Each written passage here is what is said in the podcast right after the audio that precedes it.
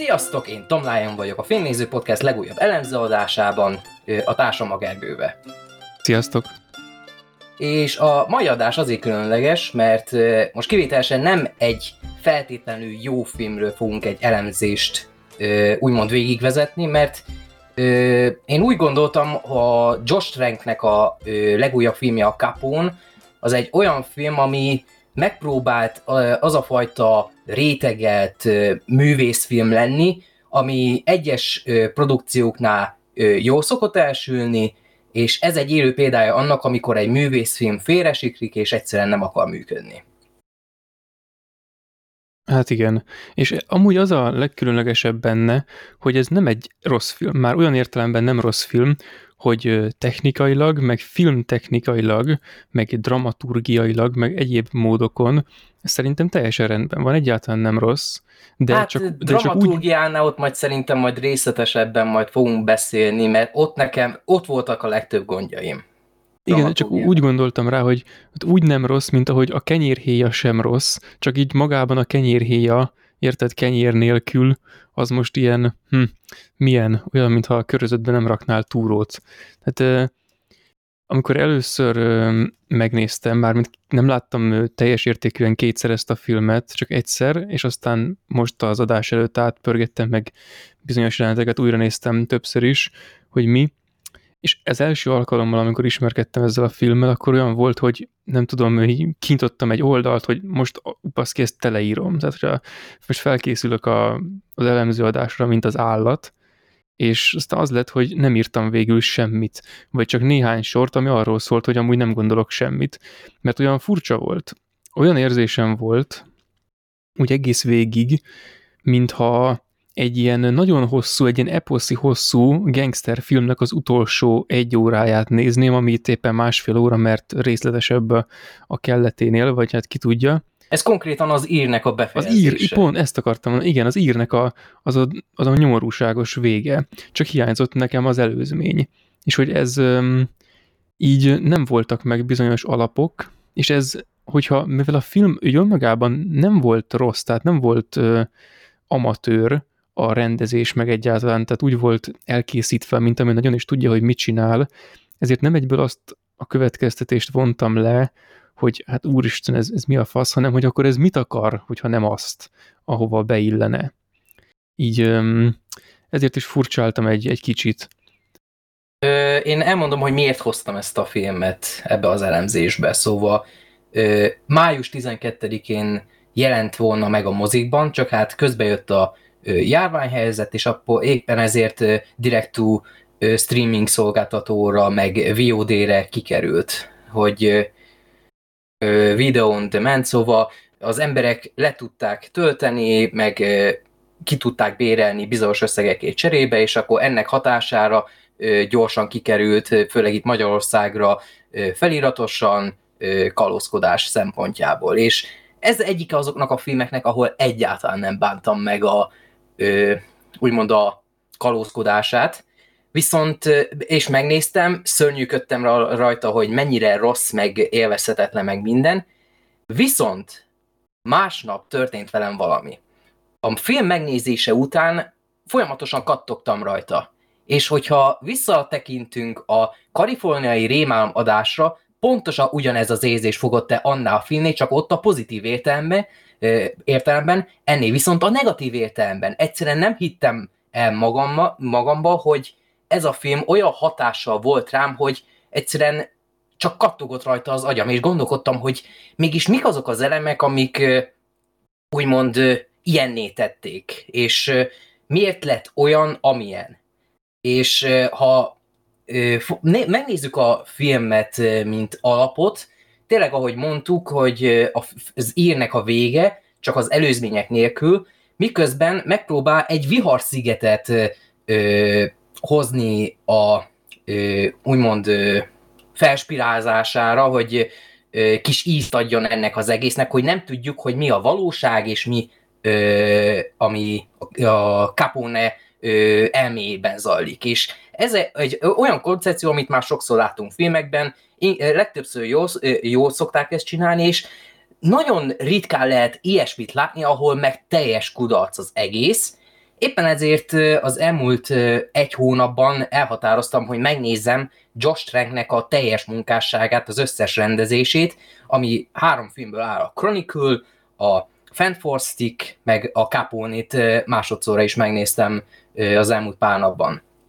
És nagyon durva volt ezt a úgymond felmelkedés, bukás, és még nagyobb bukást átélni számomra, mert hogy is mondjam, egy, menjünk vissza 2012-ben, a Chronicle az egy alig 10 millió dollárból készített kisköltségvetésű low budget stúdiófilm volt, ami olyan sztárokat, most arra sztárokat vonultatott fel, mint a Dane DeHaan, meg a Michael B. Jordan, akik ezzel, ezzel a filmmel kerültek fel a köztudatba, és Michael B. Jordan számára meg az ezt követő nagyobb ismertségű filmje pedig a Fan Stick volt, ami képes lett volna a karrierjét is romba dölteni, hogyha egy éve később nem jött volna a Creed.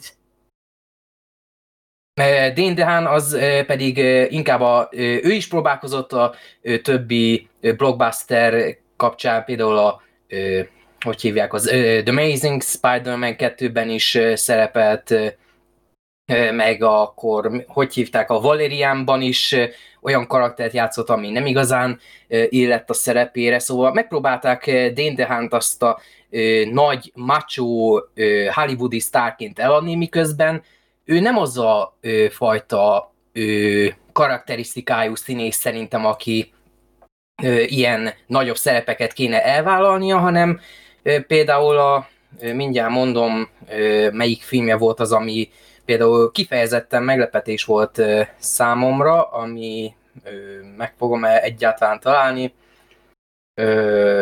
Nem fogom megtalálni egy pillanat.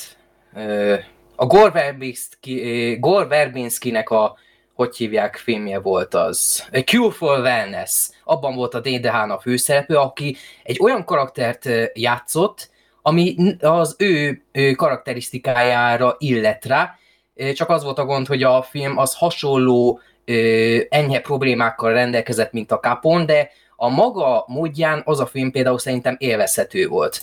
És akkor visszatérve az erőkronikájára, ez a film Josh Trank és Max Landisnek a közös munkája volt érdeme, hogy milyen szinten volt közöttük úgymond, hogy ki felelős azért, hogy a film olyan jó lett, amilyen, az egy újabb kérdés, mert Max Landis azt állítja, hogy inkább ő volt a, az egész sztorinak az atya, és Josh Trank csak egy eszköz volt arra, aki képes volt korrektül megrendezni ezt az egészet, míg Josh Trank számára szemszögéből pedig inkább ő volt az, aki képes volt ebből a sztoriból egy jó történetet összerakni ahhoz, hogy működhessen. És az erő kronikái olyan tekintetben egy érdekes alany, hogy már itt megtalálhatók azok az elemek, ami miatt megkaphatta a Fantasticnek a úgymond munkálatait. Mert itt a karakterek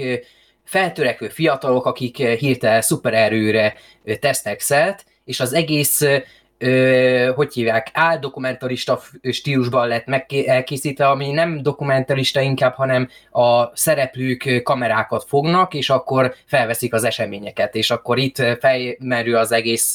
A film vége fele ott szerintem már gond volt abból, hogy nem vetették ezt az áll ezt a kamerasztulás dolgot nem szabadultak meg tőle, hanem nagyon ragaszkodtak rá, például a film vége fel, amikor már a kamerák már rége összetöltek, különböző embereknek a telefonjukból, meg kamerájukból lettek a jeltek összevágva, és akkor egyszerűen nem kapott egy egész kohéziót, hogy akkor ezek a jeltek, amiket látunk most, valaki összegyűjtötte és összevágta ezeket a jelteket, hogy egy kohézis történetet rakjanak össze, vagy csak azért, mert a filmkészítők így akarták. Szóval megvannak a Chronicle-nek a problémái, az viszont, ahhoz viszont kétség se fér hozzá, hogy azért több mint 100 milliós bevételt hozott egy alig 10 milliós költségvetésből, szóval meg tízszerezte a Warner Brothers számára a azt hiszem a Warner volt a, a Chronicle, ezt most így hirtelen nem tudom, mindegy, a lényeg az, hogy kurva sok pénzt tudott a stúdiónak, és Josh Trank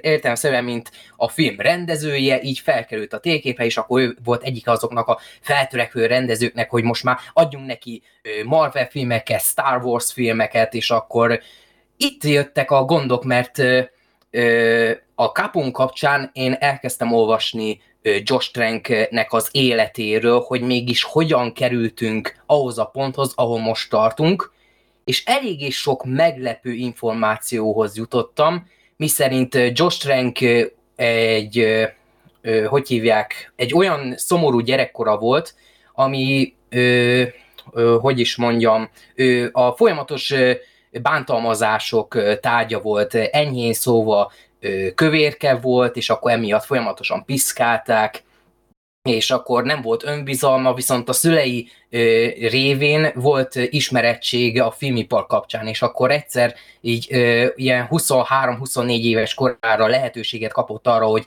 rendezhessen egy hollywoodi filmet. Hát minden feltörekvő ifjú rendezőnek ez az álma, hogy kapjon egy esélyt, ö, hogy Hollywoodban rendezhessen, és akkor amikor meg, elkészítették a chronicle így egy ideig elfelejtette ezeket a problémáit, mert olyan problémák voltak ezek, hogy pszichológussal meg kellett volna ezeket a dolgokat beszélni, és járt valamilyen szinten terápiákhoz, viszont sokkal mélyebbre gyökredző problémái vannak ennek az embernek, amik az el, elmúlt néhány hónapig egyszerűen nem kerültek felszínre. És a lényeg az, hogy feltörekvő rendező, és akkor minden stúdió őt akarja, miközben nem, tud, nem tudják, hogy mennyire nehéz vele dolgozni. És itt jön a Fanforstiknek a dilemmája, mert a Fox, abban az időszakban voltunk a Foxnak, hogy versenyeztek a Marvelre, univerzumot akartak építeni, az első csodálatos Pókember film az egész jól alakult, utána jött a csodálatos Pókember 2, ami viszont meghiúsította az álmokat arra, hogy egy saját univerzumot készítsenek, és akkor eltalálták, hogy jó, akkor itt van a Fantasztikus négyes, sajnos ott tartunk időben, hogy a szerződés, amit kötöttek annak idején a Marvelre lejáróban van, éppen ezért készíteniük kellett egy filmet arra, hogy oké, okay, csinálunk egy mozifilmet ahhoz, hogy a jogok náluk maradjanak a Foxnál, hogy a jövőben majd készítsenek egy olyan fantasztikus négyes filmet, amit meg akarnak csinálni.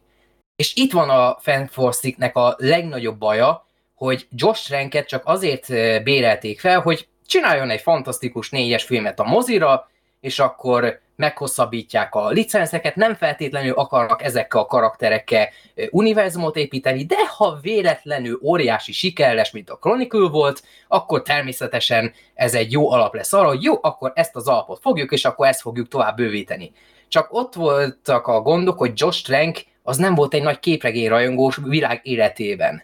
Ő a, gyerekkorán ér, a gyerekkorában ért sérelmek, meg bántalmazások miatt ő mindig azokat a karaktereket részesítette előnyben, akik nyomorult sorsa kerültek. Például a, ha jól emlékszem, a Fantasztikus négyesben van az egyik ilyen főellenfél, mint a Molman, ha jól tudom, így hívták, szóval vakondember-szerű lény volt, és ő egy olyan karakter, akivel a Josh Trank azonosulni tudott.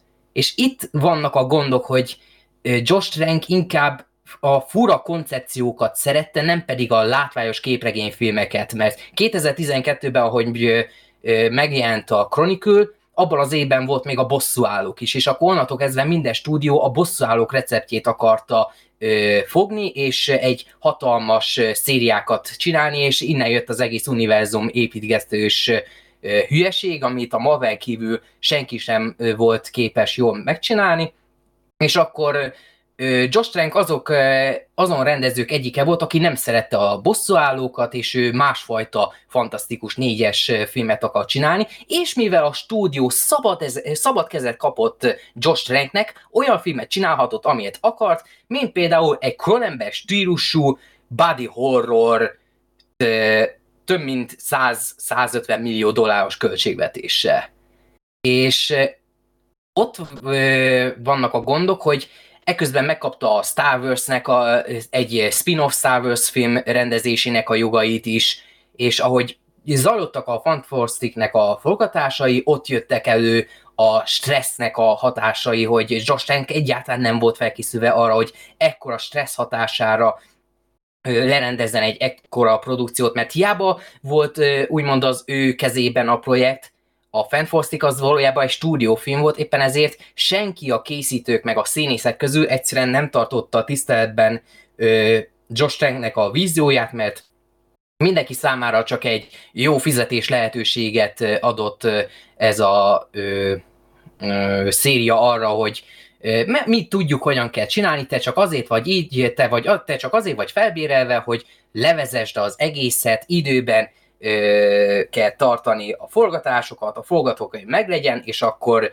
ö, ez a film le lesz adva a mozikba, és akkor nagy sztárok leszünk, kapjuk a pénzt, te pedig ö, csak egy bérenc vagy. Nem igazán érdemled meg ennek a produkciónak a hatását, és en, emiatt voltak folyamatos konfliktusok a ö, filmnek a forgatása kapcsán, ami ö, nagyon részletekbe nyúló, de az egyik legismertebb az pedig Josh Tranknek a elhíresült Twitter bejegyzése, amikor megjelent a Fantastic, hogy egy éve volt egy fantasztikus filmem, amit soha nem fogtok tudni látni. Ami egy szemetvedett hazugság volt Josh Trank részéről, mert soha nem volt egy készfilmje, ugyanis na, nagyjából megvolt az első fele, meg a második fele is a filmnek, viszont nem volt befejezése. Egyszerűen nem tudták befejezni a ö, filmet, plusz ö, olyan ö, irányba vitte el, ami egy ö, nyári blockbusterre, ahol leginkább fiatal 10-15 éves fiatalok mentek volna el rá, az halára rémisztette volna őket, és miután láttam a készfilmet, csodálom, hogy milyen lehetett az az eredeti koncepció, amit végül ö, nem valósult meg, de az biztos, hogy nem lett volna egy túl jó blockbuster, de talán egy kicsit érdekes ö, szörnyfilm, ami eléggé hülyén hangzik egy fantasztikus négyes film, ö, filmné, de mivel Josh Tranket egyáltalán nem érdekel ezt az egész ö, kozmikus, galaktuszos történetszálak, hanem tényleg ezek a személyes drámák, amik a Chronicle-ben is benne voltak. Értem én, hogy miért akarta ezt a filmet megcsinálni, de ez a vízió ezekkel a karakterekkel egyszerűen nem volt helyes, és nem volt túl jó. És emiatt a hírhet tweetje miatt úgy volt, hogy úgy tűnt, hogy nem fog többet lehetőséget kapni arra, hogy rendezhessen egy filmet saját alapkoncepcióval, ekkor jött Tom Hardy, aki felkapta a Josh Tranket, mert Capon, ha úgy nézzük, papíron ez tényleg egy Josh Trank film, mert Josh Trank írta, rendezte és vágta ezt a filmet, viszont a főszereplő Tom Hardy, akivel reklámozták ezt a filmet. Mindenki úgy emlegette ezt a filmet, hogy a nagy Oscar ö, esélyes film, ahol Tom Hardy végre kaphat egy színészi jelölést Oscarra. És ez a film nem készülhetett volna el, hogyha nincsen Tom Hardy. Nem kapott volna a költségvetés, egyik, hát ha megnézzük a filmnek a legelejét, láthatjuk is, hogy túl nagy stúdiók nem finanszírozták ezt a filmet, hanem sokkal kisebbek, eléggé hosszú is az a felvezető, olyan egy-másfél perces, szóval ez okot adhat arra gondolni, hogy hát igen, ez nem egy nagy produkció, hanem sokkal szerzői film lenne, ami leginkább Oscar bait-nek lehetne tekinteni, és itt tekerhetünk vissza Josh Tranknek a ö, úgymond gyerekkorára, ugyanis a Capone koncepciója szerint Capone-nak az utolsó egy évének az időszakát láthatjuk, ahol betegsége miatt Ö, milyen betegsége is volt? Ezt most így hirtelen nem Cifilis tudom. és demencia, azt hiszem? Igen, igen, az. Cifilis és demencia, demencia és ö, hogy hívják, ennek hatására kezdte elveszíteni az emlékeit, és nem, ö, hogy hívják, olyan lett a végére, mint egy brokkoli.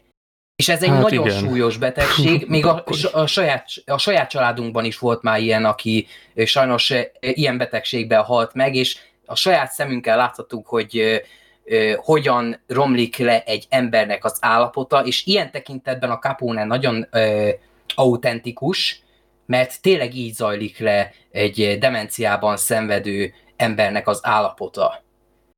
Viszont ezt nem ebből a filmből hiányzik a tanulság, hogy erről a, erről a történetről mit vonjon le az ember, mint tanulságot, és ahogy olvastam Josh Tranknek a hátterét, megtudtam, Youtube-on van egy interjú, amit nem tudom, hogy most meg fogok-e majd találni itt a leírásokhoz, remélem be tudom majd linkelni. A lényeg az, hogy ott elmondta a Josh Trank, hogy ő 5 és 6 éves korában szexuálisan molesztálva, meg bántalmazva volt.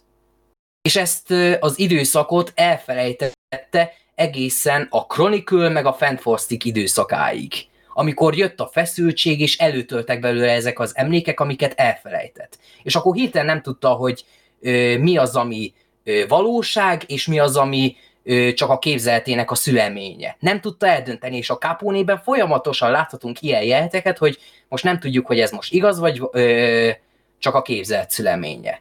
És ez ilyen tekintetben nagyon tragikus, az megint más kérdés, hogy mint film ez egyáltalán nem működik.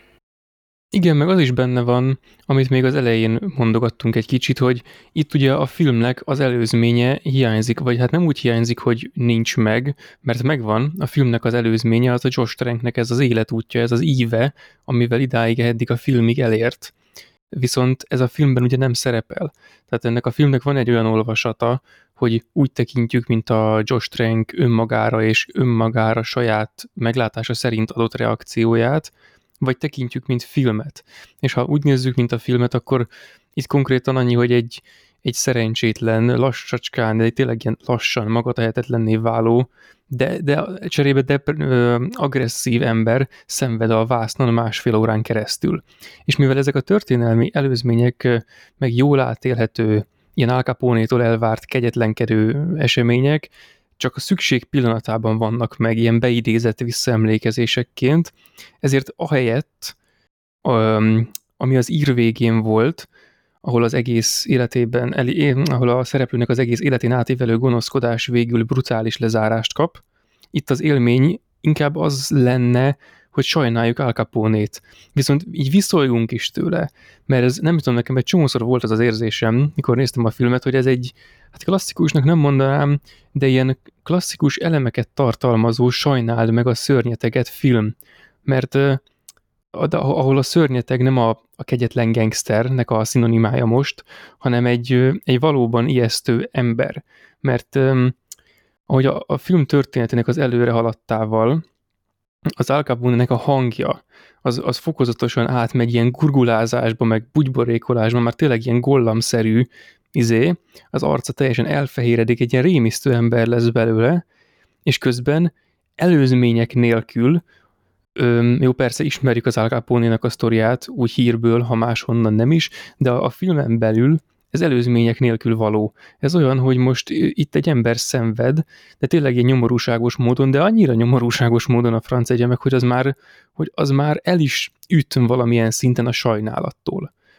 És akkor ez van egy, egy másfél órában. És ennek vannak, öm, ugye hát nyilván van az a része, hogyha meg akarjuk tudni, hogy milyen indítatással készült ez a film, akkor akkor ki kell tekintenünk a Josh Tranknek a, az életére, meg kell néznünk az előbbi filmét, és a párhuzamokat meg kell vonnunk. De egyébként még a filmen belül is, ami így hát ezek nélkül lógna a levegőben, van egy-két ilyen jó kis mm, ilyen szimbolikus áthallás, mert akkor meghozhatjuk ezt, hogy nem tudom, hát a Josh Tranknek tényleg ez, a, amit te is meséltél, hogy már nem tudta mi az, ami ami valóság, meg ami csak a fejébe létezik, meg hogy mi van most, mi volt, mikor, ilyen teljesen ilyen pszichedelikus, ilyen át, amit megszoktunk az ilyen filmektől, hogy a, a valóság átmegy az álomba, aztán visszajön meg, stb. És hogy tényleg ebben nem a következetességet kell keresni, meg a megfejtést, hogy akkor most tényleg mi a valóság, mert mi az akármi, hanem hogy a, ráérezzünk a szereplőnek erre a, a mélységes, nyomorúságos helyzetére, amiben itt van, mert azt tudjuk, hogy a, az Al Capone honnan jött, főleg a, ebben az időszakban, ahogy a visszaemlékezésekben is van a, az ő, nem tudom, a kegyetlen múltja néha csak így beidézve, meg a, a, a hálaadásos ebéd, igen. még a, vagy vacsora a legelejéből, ott kaphattunk egy nagyon kicsi betekintés, hogy honnan jöttek. Igen, meg hogy elmesélte, tényleg pont erre gondoltam én is, de meg az is eszembe jutott, ami már a, a felfutottabb időszakában van. Én most ebben a fél évben az egyetemen fölvettem egy jazz kultúrtörténete nevű tárgyat, csak a kreditek miatt, és ott egy csomót ö, hallottam Al Capone-ról, és tök érdekes volt, hogy nem tudom, ő tényleg ez azért nagyon nagy úr volt, hogy bejött egy, egy ilyen jazz koncertre, ahol már tényleg ez az időszak volt, hogy a, nem tudom, a, a, az úri fehér gyerekek is nekiálltak a feketék zenéjét hallgatni, meg stb. Tehát érezzük, hogy ez milyen időszak, tehát egy ilyen igazán izé, és hogy neki volt ez az ilyen, hogy is volt pontosan a sztori, hogy úgy adta oda a, nem tudom, a pénzt, hogy így eltépte, odatta, nem tudom, a zenésznek, akárkinek, és hogyha utána tetszett, akkor odatta a másik felét is, meg ilyenek, szóval ilyen kurva nagy úr volt, meg stb. És hogy ez ugye hát a filmben nem szerepel, csak ilyen, ilyen nosztalgiázó szinten, meg ilyen visszaemlékező szinten, ami úgy egyrészt ö, folyamatosan magában hordozza azt, hogy baszki, mikor fogunk ebből fölébredni hirtelen, és mikor derül ki, hogy ez mégse, vagy mégse mégis, tehát ilyen, ilyen szintű, vagy mikor megy át a brutális gyilkolásba, mert néha azért átmegy. És egy ilyen, egy ilyen szereplő, aki úgy lényegileg előtt, előttünk már úgy tűnik föl, mint aki már ezeknek utána van, tehát már a leszálló ágában, persze hát ezzel van felütve a film, ezért tényleg ilyen, ilyen um, nehéz, nehéz. Én egy csomószor egyébként nekem nagyon nehéz volt ezt a filmet végignézni.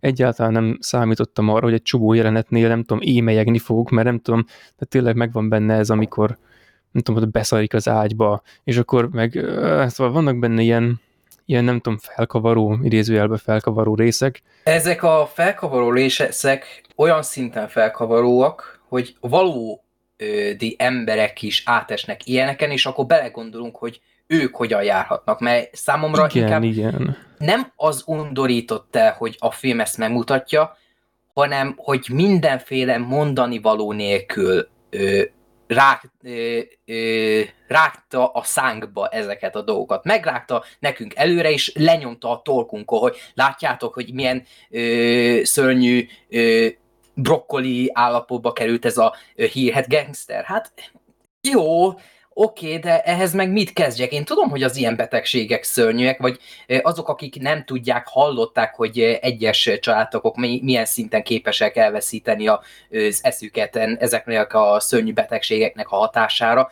de ezt nekem miért kellene néznem így konkrétan testközelből, ahol konkrétan láthatjuk azt, hogy Tom Hardy konkrétan behugyozik, meg beszarik meg, meg tényleg olyan a hangja, hogy néha hozzászólnak, így visszaszól, hogy he, és ez a he, ez egy ilyen, tehát egy ilyen, nem is érted, mert ott tényleg lehet, hogy neki tényleg a, a sok szivarozástól, meg a minden betegségtől, amilyen volt neki, meg az akármitől teljesen elment a hangja. De, de az a vicces, egy... hogy még a karakterek is, a többi mellékszereplő is megemlíti, hogy igen, ö, igen. milyen lett már a hangot, szóval még a normális hangját se hallhatjuk igazából a ö, filmben, még a hogy hívják, a hálaadási vacsoránál is már ez a rekettesebb hangja van. Szóval még el sem tudom képzelni, hogy milyen lehetett a normális hangja, az leszámítva, hogy egyes filmekben, például mikor a De Niro játszotta, ő egész normális hangot adott a Capone-nak. Igaz, hogy részben a saját hangja is, de azért a De Niro az van egy olyan jó színész, hogy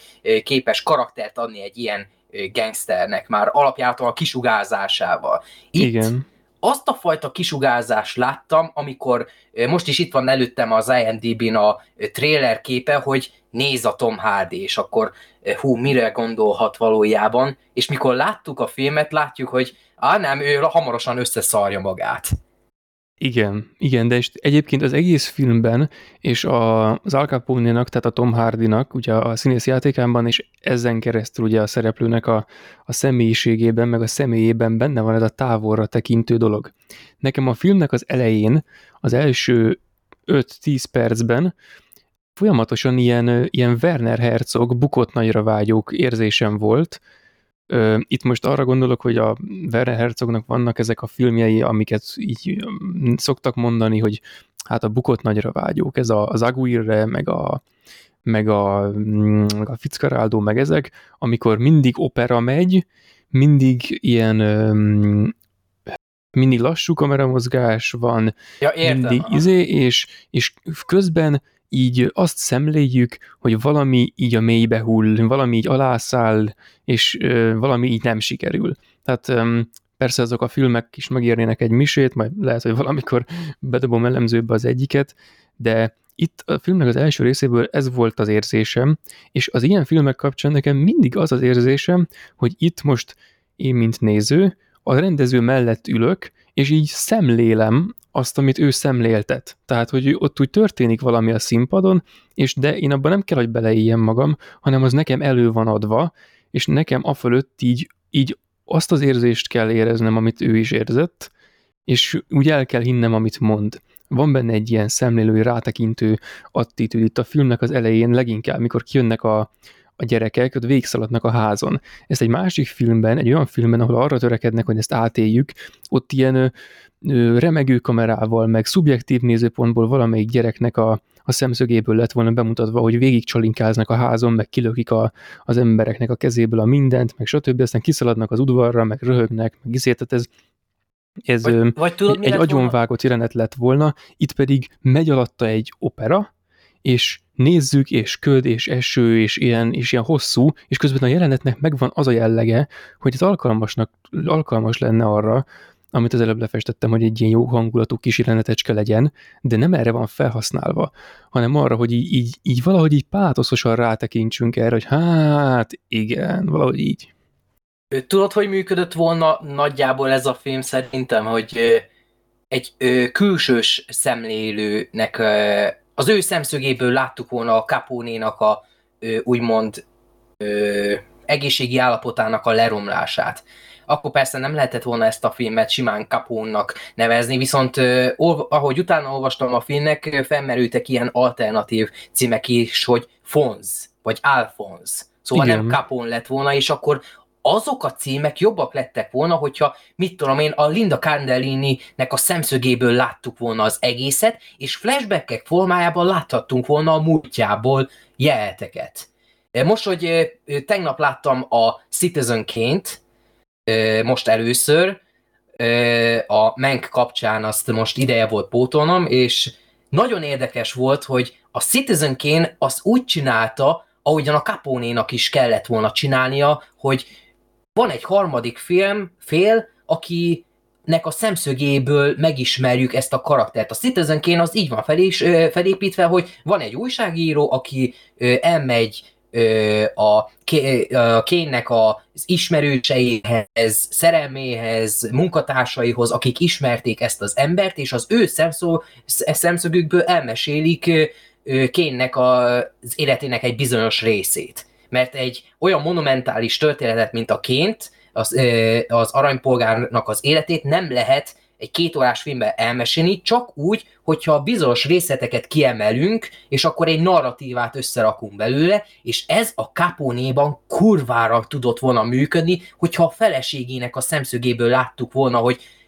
a film úgy kezdődött volna, ahogy itt elkezdődik, hogy játszik a gyerekekkel, beteg, megvan a háladási vacsora, és akkor e, például elkezd mesélni a Capone ennek a kislánynak, hogy milyen, miről szól a háladás, és akkor történt volna az, hogy mondjuk a kamera oda ment volna Linda Cardellini arcához, és akkor visszaemlékezés arra az időszakra, hogy ahogyan mesél a Capone az milyen szép, és akkor a valóságban milyen volt. Meg egyébként nekem, és ez, amit most elmondtál, ez egyébként a filmben be van készítve, mint egy, mit tudom, egy kájhába a tűz, csak meg kellett volna gyújtani, jó, és aztán persze az egészet át kellett volna alakítani. Mert nézd meg, egész végig ott van a két rendőr, aki figyeli őket, akik közül az egyik amúgy a Josh Trank, de mindegy, mm. és öm, egyébként nekem ez is ráerősített arra, hogy úgy, úgy gondoljak erre, mint ahogy a, mint hogy a, a rendező is úgy, úgy nézi az, ezeket a dolgokat.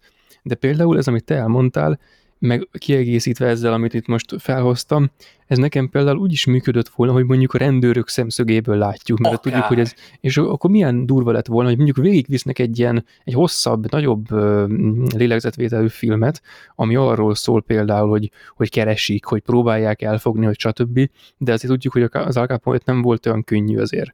Van ez a, a hogy is mi van a magyar cím elég hülyén fordították a a hozzáférhetetlenek, vagy valami ilyesmi.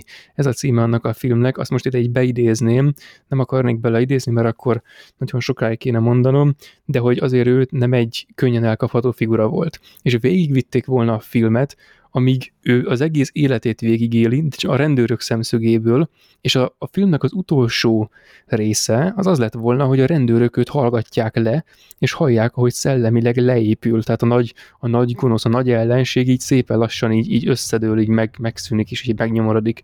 És még azt is el tudtam volna képzelni, hogy ezt valahogy öm, narrációval, tehát mert... Például, a... például a, hogy is hívják, a Tony? Tony volt az a gyerek? Igen, a Tony volt a fia. Tényleg ő is volt, basszus. Igen, Most... hogy a, a film konkrétan az egyik elején a hálaadásos résznél van az, hogy csörög a telefon, és akkor valaki felhívja, és Alphonse keresi. És akkor láthatunk egy fiatal srácot, akiről még az elsőnek nem tudjuk, hogy ez mégis ki lehet, és akkor ott a rendőrség. Hoppá, ez egy fontos szereplő lesz a későbbiekben. És az egész szerepe abból áll, hogy még kétszer-háromszor telefonál, és leteszi, nem szól bele semmit, a rendőrök se foglalkoznak vele, és akkor ez is egy olyan rész, hogy, hogy majd a film legvégén az majd lesz egy jó záró képsor, de mivel előzmények nélkül nem vonzza be a nézőt arra, hogy érdekeljen ezeknek a karaktereknek a sorsa, egyszerűen nem működik, mert a cím hiába sugalja azt, hogy Capone. Szóval ez egy nagy életrajzi film, ez nem egy életrajzi film, ez egy ö, hírhet ö, gangsternek a leépülését mutatják be. A poszterét én nagyon szeretem ennek a filmnek egyébként, ahogyan ö, darabokra igen, igen. hullik a feje. Ez szerintem az idejéből szerintem még mindig a Capone posztere a legjobb, mert annyira jól megmutatja minimálisan, hogy mire lehet számítani, és végül És ott igazán... is a rémült a tekintete, tehát hogy úgy, úgy csillog a szeme meg, ahogy pillant oldalra. Nekem az egyértelműen ez a kurvára nem tudom, hogy mi zajlik körülöttem. És közben így, így hullik darabokra az egész. Igen, csak a film az életének az első két hamada meg hiányzik. Ez a film működik úgy, hogyha nagyjából tudja az ember, hogy mik történtek a Valentin napi mészállás, az egy hírhet dolog, ami úgy tudom a popkultúrában is valamilyen szinten mindenki tud róla, de azért nekem is azért utána kellett néznem, hogy akkor most konkrétan hogy is volt ez, mert oké, okay, ez érdekes betekintés arra, hogy ez azoknak a, a Capone rajongóknak készült, de nem igazán meg ki akar nézni egy ilyet, hogy egy ember szenved. És folyamatosan visszatérek erre, hogy egy ember szenved, és akkor ezt nézzük, és akkor ez hú de groteszk, hú de fájdalmas, de nem vonza be az embert, ez a gond vele. És ez e tekintetben pedig fel is hozom a filmnek a legnagyobb negatívumát, a legnagyobb kihagyott zicserét, a Matt Dillonnak a karaktere. Igen, igen. Ami, aki egyszerűen nem működik a film kontextusában, mert Ö, a legelső... Erre majd mondok egy analógiát a Matt Dillonra, majd Jó, még később a film vége felé, ha véget értünk a teljes végigmenetelen, mert annak ott lesz majd egy jó kis gondolata. Jó. Ö, hogyan ismerkedünk meg Matt Dillonnak a karakterével? A Johnnyval? Úgy, hogy nem vagyunk a Capone rezidenciában, hanem mit tudom én az ország valamelyik másik felében, ahol a Dillon karaktere Johnny, az dug egy nőt és akkor te, ö, telefonhívás kap, és akkor ö, azt mondja, hogy Megi, te vagy az, és akkor hello, szia, és akkor oda megy Caponehoz, és onnantól kezdve szinte az összes jelenetben csak Capone, meg Johnny van a, ugyanabban a ö, jelenetben, kivéve egyet a későbbi mozis jelenet, ahol viszont a háttérben van. És ez működött volna úgy, hogy ö, ha ne, hiányzik ez a telefonos rész, Viszont így, hogy megkaptuk a bemutatkozó részét, hogy dug egy nőt, az hogy? Az hogy működik? A Capone ö, elméje az úgy van ö, szétbomolva, szétbomolva, hogy nem a saját szemszögéből lát új dolgokat, hanem harmadik fél nézetből is több száz kilométerre onnét? Mert ö, e, e tekintetben példaként felhoznám ö, nem a Shadow Islandet, hanem a hatodik érzéket ott a gyerek meg Bruce Willis karaktere folyamatosan együtt voltak. Nem úgy volt, hogy a gyerek mit tudom én, elképzelte Bruce Willis karakterét egy harmadik nézetből. Mert ők ketten mindig, szinte mindig együtt voltak, viszont nem kaptunk olyan részt, ahol Bruce Willis karaktere valahol a város másik felében volt. Itt viszont megkapjuk azt Dillon karakterénél, hogy nem egy helyen van Capone-val, és akkor most azt képzeljük el, hogy Capone ezt is elképzelte, hogy dug valakit, és a Meggi felhívta a jelen időben. Ez így nem működik, mert azok, akik nem látták a filmet, hirtelen nem tudják, hogy miért beszélünk. Hát Matt Dillon karaktere az meghalt évekek korábban, mert ő volt az az egyik ö, áruló ö, Capone csapatában, aki elárulta őt, és ö, ö, hogy hívják, Capone úgy emlékszik ö, erre a karakterre vissza, hogy a ö, Johnny helyzetében valószínűleg ő is azt tette volna, amit Capone csinált vele. Hogy lehet, hogy így a ö, így akarja ö, enyhíteni, viszont nem ismerjük ezt a Johnny karaktert, nem tudjuk, hogy milyen ember Csak volt. azt tudjuk, hogy a, a Capone az valahogy ilyen, ö, ilyen jó haverként tekint rá, mint akivel elmennek horgászni, mint akivel Na, mint az írben. Igen, pontosan, igen. Csak hát nem, egyszer nem működik ez a reveláció, nem működik ez az egész ö, tudat, amikor tudatosul a nézőben, hogy ő, ő az az ember, akit annak idején megöltek. Oké, okay, ebben mi volt a nagy reveláció, mert ö, ha tényleg úgy lett volna, ahogyan mondtam az előbb, hogy végig együtt vannak, hogyha az első jelenet, amikor Dylan szerepel, az, amikor megfogja a Capone-nak a vállait, akkor értelme lett volna ennek az egésznek, és az úgymond csavarnak a film közepe felé, hogy ja, ő az, akit megöltek évekkel korábban, de így, hogy megvolt a bemutatkozó rész a telefonhívása, hogy Meggi felhívta, Capone, most tényleg azt képzeljük el, hogy Capone elképzelte azt, hogy az ő állapotában Megi az aggódó felesége felhívta a régi barátját, mert nem tudja kezelni? Ez baromság. Igen, egyébként ez következetlen, de még abból a szempontból is, hogyha esetleg meg akarnám menteni ezt az egészet azzal, hogy mondjuk azt mondom, hogy öm, amit amúgy nem akarok, tehát izé, de ha esetleg ez volna a szándékom, akkor azt mondanám, hogy itt lehet, hogy a film, vagy akarom mondani, a rendező a filmen keresztül inkább megvalósítja, semmint elmeséli azt, ami a célja. Tehát, hogy a, a film a szemünk előtt a formájával gyakorolja azt, ami a témája. Csak ez meg azért nem jó, mert nem stimmel hozzá ez, az, ez a rátekintő attitűd. Tehát e- ehhez nem stimmel az, hogy akkor ezt kívülről szemléljük. Ez egy olyan film, az ilyen stílusú filmek egyébként ilyenkor mindig a Perfect Blue-t fogom felhozni, mert ez az ebből a szempontból a legdurvább, Uh-huh. amikor mi- a pácban mindenki benne van.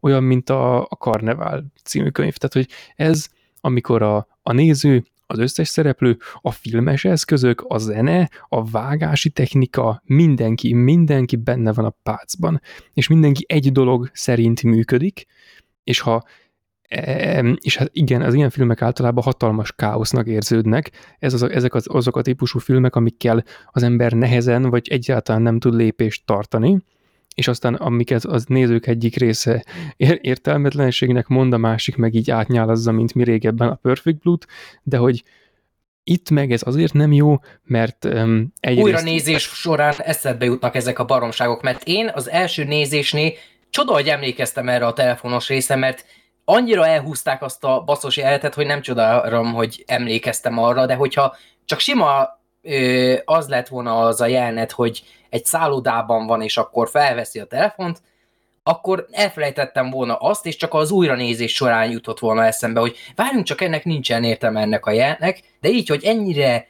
látványosan emlékeztették az embert arra, hogy ez egy ö, hű de vicces, meg hű de jó bemutatkozó rész Johnny részéről, értelmetlenítette az egészet a fordulat szempontjából. Igen, meg az is benne van, hogy attól még, hogy most ez így van, még az is benne van, hogy a filmben van egy ilyen visszaemlékezős dolog, meg, hogy magán viseli még azt a, az attitűdöt és megjelenési és történetmesélési formát is, ami arra játszik, hogy bizonyos apróságokat a filmnek korai szakaszaiban elrejtsen, hogyha az ember később újra nézi, akkor feltűnjön neki, hogy fú, hát ez már itt itt volt, meg ilyesmi, és akkor stb. De ez nem jön be. Egyrészt az attitűdbeli inkompatibilitás miatt, amit én nem, nem igazán szeretek, hogy egyszerre ilyen önmegvalósító, mit mindent átszövő technika, és egy ilyen pátoszos rátekintő cucc, a másik pedig ez, amit te is mondtál, ezzel teljes mértékben egyetértek, hogy így, így ez nem, nem, fér, nem férnek össze a dolgok, főleg, hogy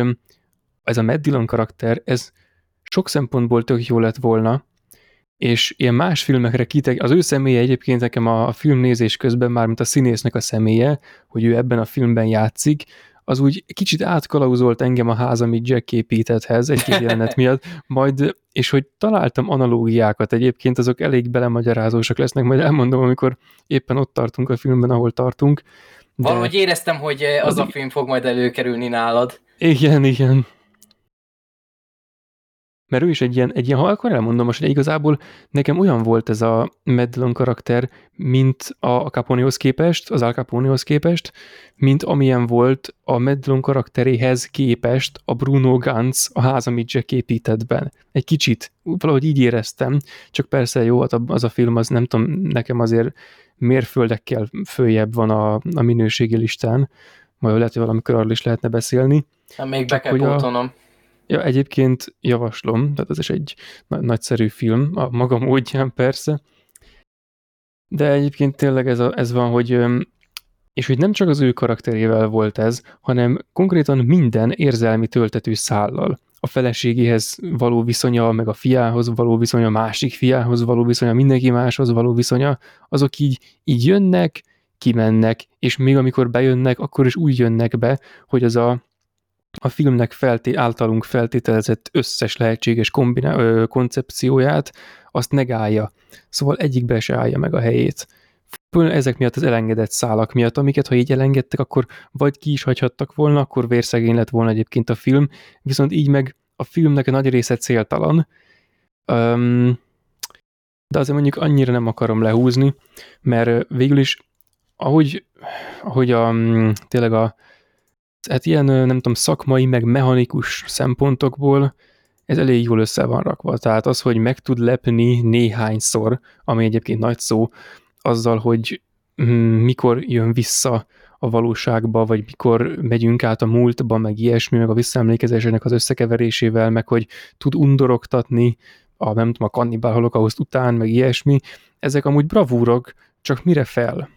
Tehát így, igen a kontextus hiányzik, hogy mit akar elmesélni a rendező, mert igazából nem akar, én véleményem szerint nem akar semmit se elmesélni, hanem megmutatja, hogy ilyen is van.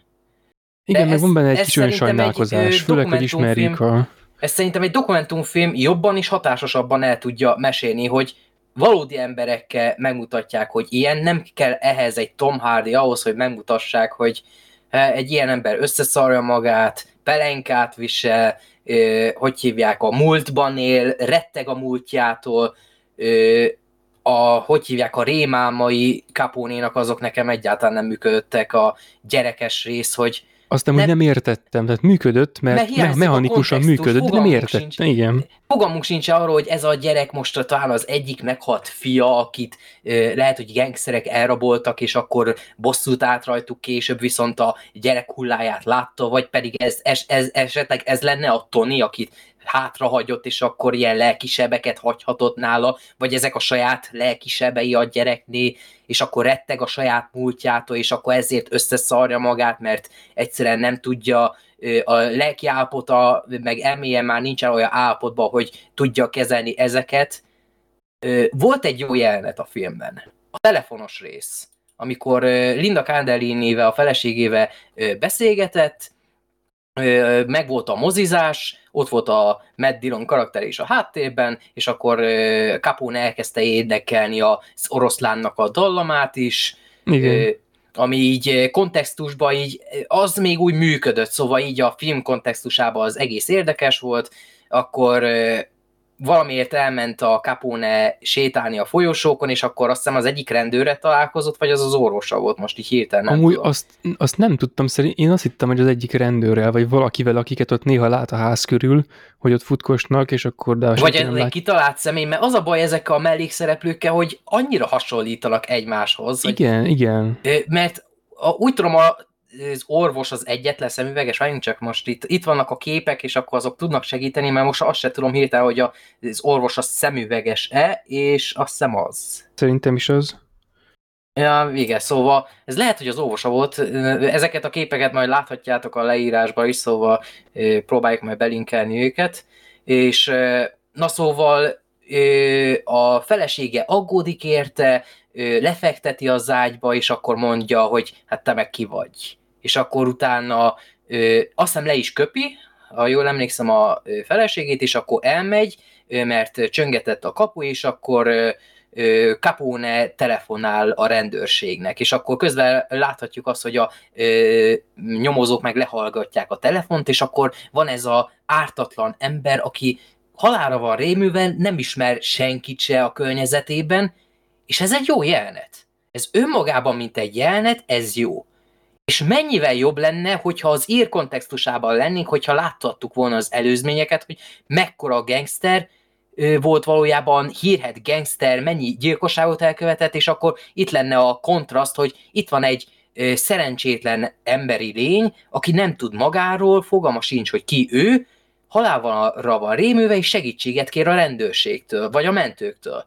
És akkor a, azt se láthatjuk reakcióba, hogy a lehallgató nyomozók mit reagálnak arra, hogy ezt hiányoltam ebből, hogy lehallgatják őket, és akkor nincsen közöttük semmilyen konfliktus, hogy hát ez biztos megjátsza, hogy á nem, ő biztos nagyon beteg, hogy hiányzik a kontextus ebből a filmből, csak Capone szemszögéből láthatjuk az utolsó egy évében, nincsenek előzmények, nincsenek mellékkarakterek, akik érdekelhetnének minket, itt amit látunk, az az, amit kapunk, ezzel kezdjünk valamit. Igen, igen. Meg uh, itt van egy másik rész, a, uh, az előbb emlegetett uh, múltas rész, a telefonbeszélgetős rész után jön az álom rész, ahol uh, a jazz klubban van, hogy ez is így kontextus nélkül nem működik, és akkor megvolt a jazzezés, és utána jön a Johnny karakterének a meggyilkolása, akit ebben a pillanatban még nem tudjuk, hogy ez a Johnny karakter lenne, hanem valaki, akit Capone egyik hű embere volt, és akkor az egyik emberem megöli, és akkor ott működik Tom Hardynak a retteget az, hogy te jó ég, mégis miért látom ezeket a víziókat, nem tudom a kontextust, egyedül a dalt ismerem, amit a néger jazz énekesse el tudott énekelni, és akkor ott egy kicsit megenyhült lelki állapotban láthattuk, hogy ez neki egy kedves emlék, és akkor jön ez a ö, ö, hirtelen váltás, hogy volt egy gyilkosság, és akkor jön a táncos nő is, aki ö, valószínűleg a Toninak az anyja lehetett, de még ebben se vagyok biztos igazából. És akkor Egyébként, el... igen, tehát hogy a, ez a egyrészt, ja, zárójelben, hogy a, a, a néger jazzinek, és az a Louis Armstrong egyébként, a, nagy, nagy ágyú a jazz sztoriban, de mindegy, és hogy egyébként nekem is, én, nekem ez egy rész, ez nagyon működött. Ez, amikor úgy lemegy oda az alak sorba, és bemegy azon az ajtón, akkor már annyira falfehér, meg úgy izzad, meg annyira szoborszerű, tehát tényleg teljesen halára vált a fickó, és hogy azon benyit abba a förgetekbe, hogy ott puliznak, meg üdvözlik, hogy bizé, hello, meg minden faszom, és utána jön az a gyilkosság de az annyira szükségtelenül durva szerintem az a gyilkosság, hogy 78 alkalommal beleszúr tiszta izomból a, a nyakába annak az embernek, tehát hogy aki, aki a Johnny egyébként persze, tehát hogy nekem ez ilyen eltúlzott volt, az az egész jelenet, az nagyon-nagyon eltúlzott volt, de ilyen túl, és még azon is túl, és mi, minden egyes erejével, ami csak volt neki, arra töregedett, hogy istentelenül öm, kibaszottul túlzó legyen. És egyébként én visszamennék akkor a filmnek az elejé, eleje felé. Van az első rész, amikor nem tudom, bepisál vagy akármi, és utána fölpillant a képre, ami ott van előtte a falon, és ez a, ez a pillantás megy át aztán egy másik jelenetbe egy ilyen áttűnéssel, és ekkor jön tényleg először a, a stáblista, a film elején, meg minden, mert ennek is van egy ilyen kicsit ilyen sorozatszerű beütése nekem, hogy meg az egész felütésnek volt egy ilyen, nem tudom, filmektől számomra nem igazán. Szabad ne feled, most, hogy láttam a Citizenként, megint az áthallás. Szerintem a Citizen Kane-nél hiába láttam a menket, valamennyit szerintem meríthettek a, hogy hívjákból a abban az időben a Capone életéből ismert hírhet volt, hogy a Capone, ö, hogy hívják, ilyen szobrokat, meg mindenféle szírszalt megvett, és akkor a film stáblistájánál itt láthatjuk, hogy szobrok vannak itt, gyönyörű szobrok, és Citizen Kane is gyűjtötte a szobrokat. Hogy ez szerintem egy ennyi átalás volt már abban az időben, és a 1941-ben Capone iránt. A megben nem tettek erre egyáltalán utalást, szóval ezt lehet, hogy csak én látom így, de most, hogy készítettem a képeket erre az adásra, és úgymond majdnem egy harmadik megnézésként is lehet ezt tekinteni.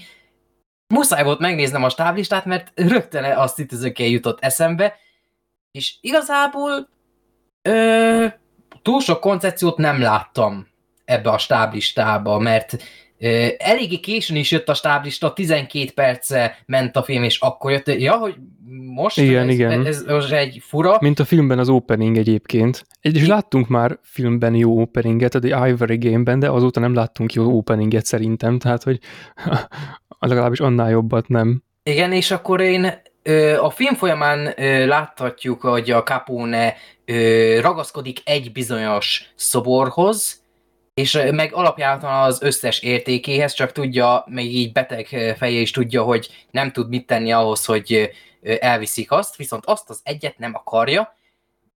És jó, ez is egy olyan dolog, hogy ez így érdekes, és mihez kezdjek vele. Egyébként én pont ezzel akartam monológiát mondani. Na, kíváncsi a, Ugye a képekkel és a szobrokkal, ez nekem ilyen nagyon ö, olyan volt, hogy mm, hogyha van egy, van valami így a, egy filmben, ami egy, az egyik szereplőnek olyan fontos, akkor annak úgy kicsit utána olvasgatok, de előtte még a képről, hogy amikor a filmnek a 12. 12 perc, 23 másodperc pontot van megállítva, mindegy, akkor fölnéz arra a képre, ahol ott áll a part mentén a kis kápolna, a képen megfestve, ahogy lesüt rá a fény az égből, és egy a parton ülő ilyen kalapos kis srácnak tűnő, hát utóbb már tudjuk, hogy srác, az úgy szemléli ezt a, a fényt, ahogy ott a templomra lesüt, ami olyan szép. Tehát egy, egy ilyen szép izé. És van egy másik ilyen, vagy lehet, hogy több is, most éppen kettőre emlékszem, de ez a számomra lényegesebb. Öm, egy másik ilyen békés hangulatú kép még. Na és akkor a szobrokról, mert mm, ez most nem igazán lesz a filmhez olyan szervesen kapcsolódó, de majd aztán oda is visszatérek, hogy egyébként, hogyha úgy nézzük, akkor a, a szobornak, mint olyannak van egy fajta ilyen közvetlensége. Mert hogy nincsen színe, és hogy a, a folyamatból, a mozdulatból, ugye, abból egy adott pillanatot ragad csak meg, és hogy fényel, meg árnyékkal dolgozik, meg térrel, meg ilyesmivel, tehát a, szob, a szobor művészetnek ez az, ez az eszköztára.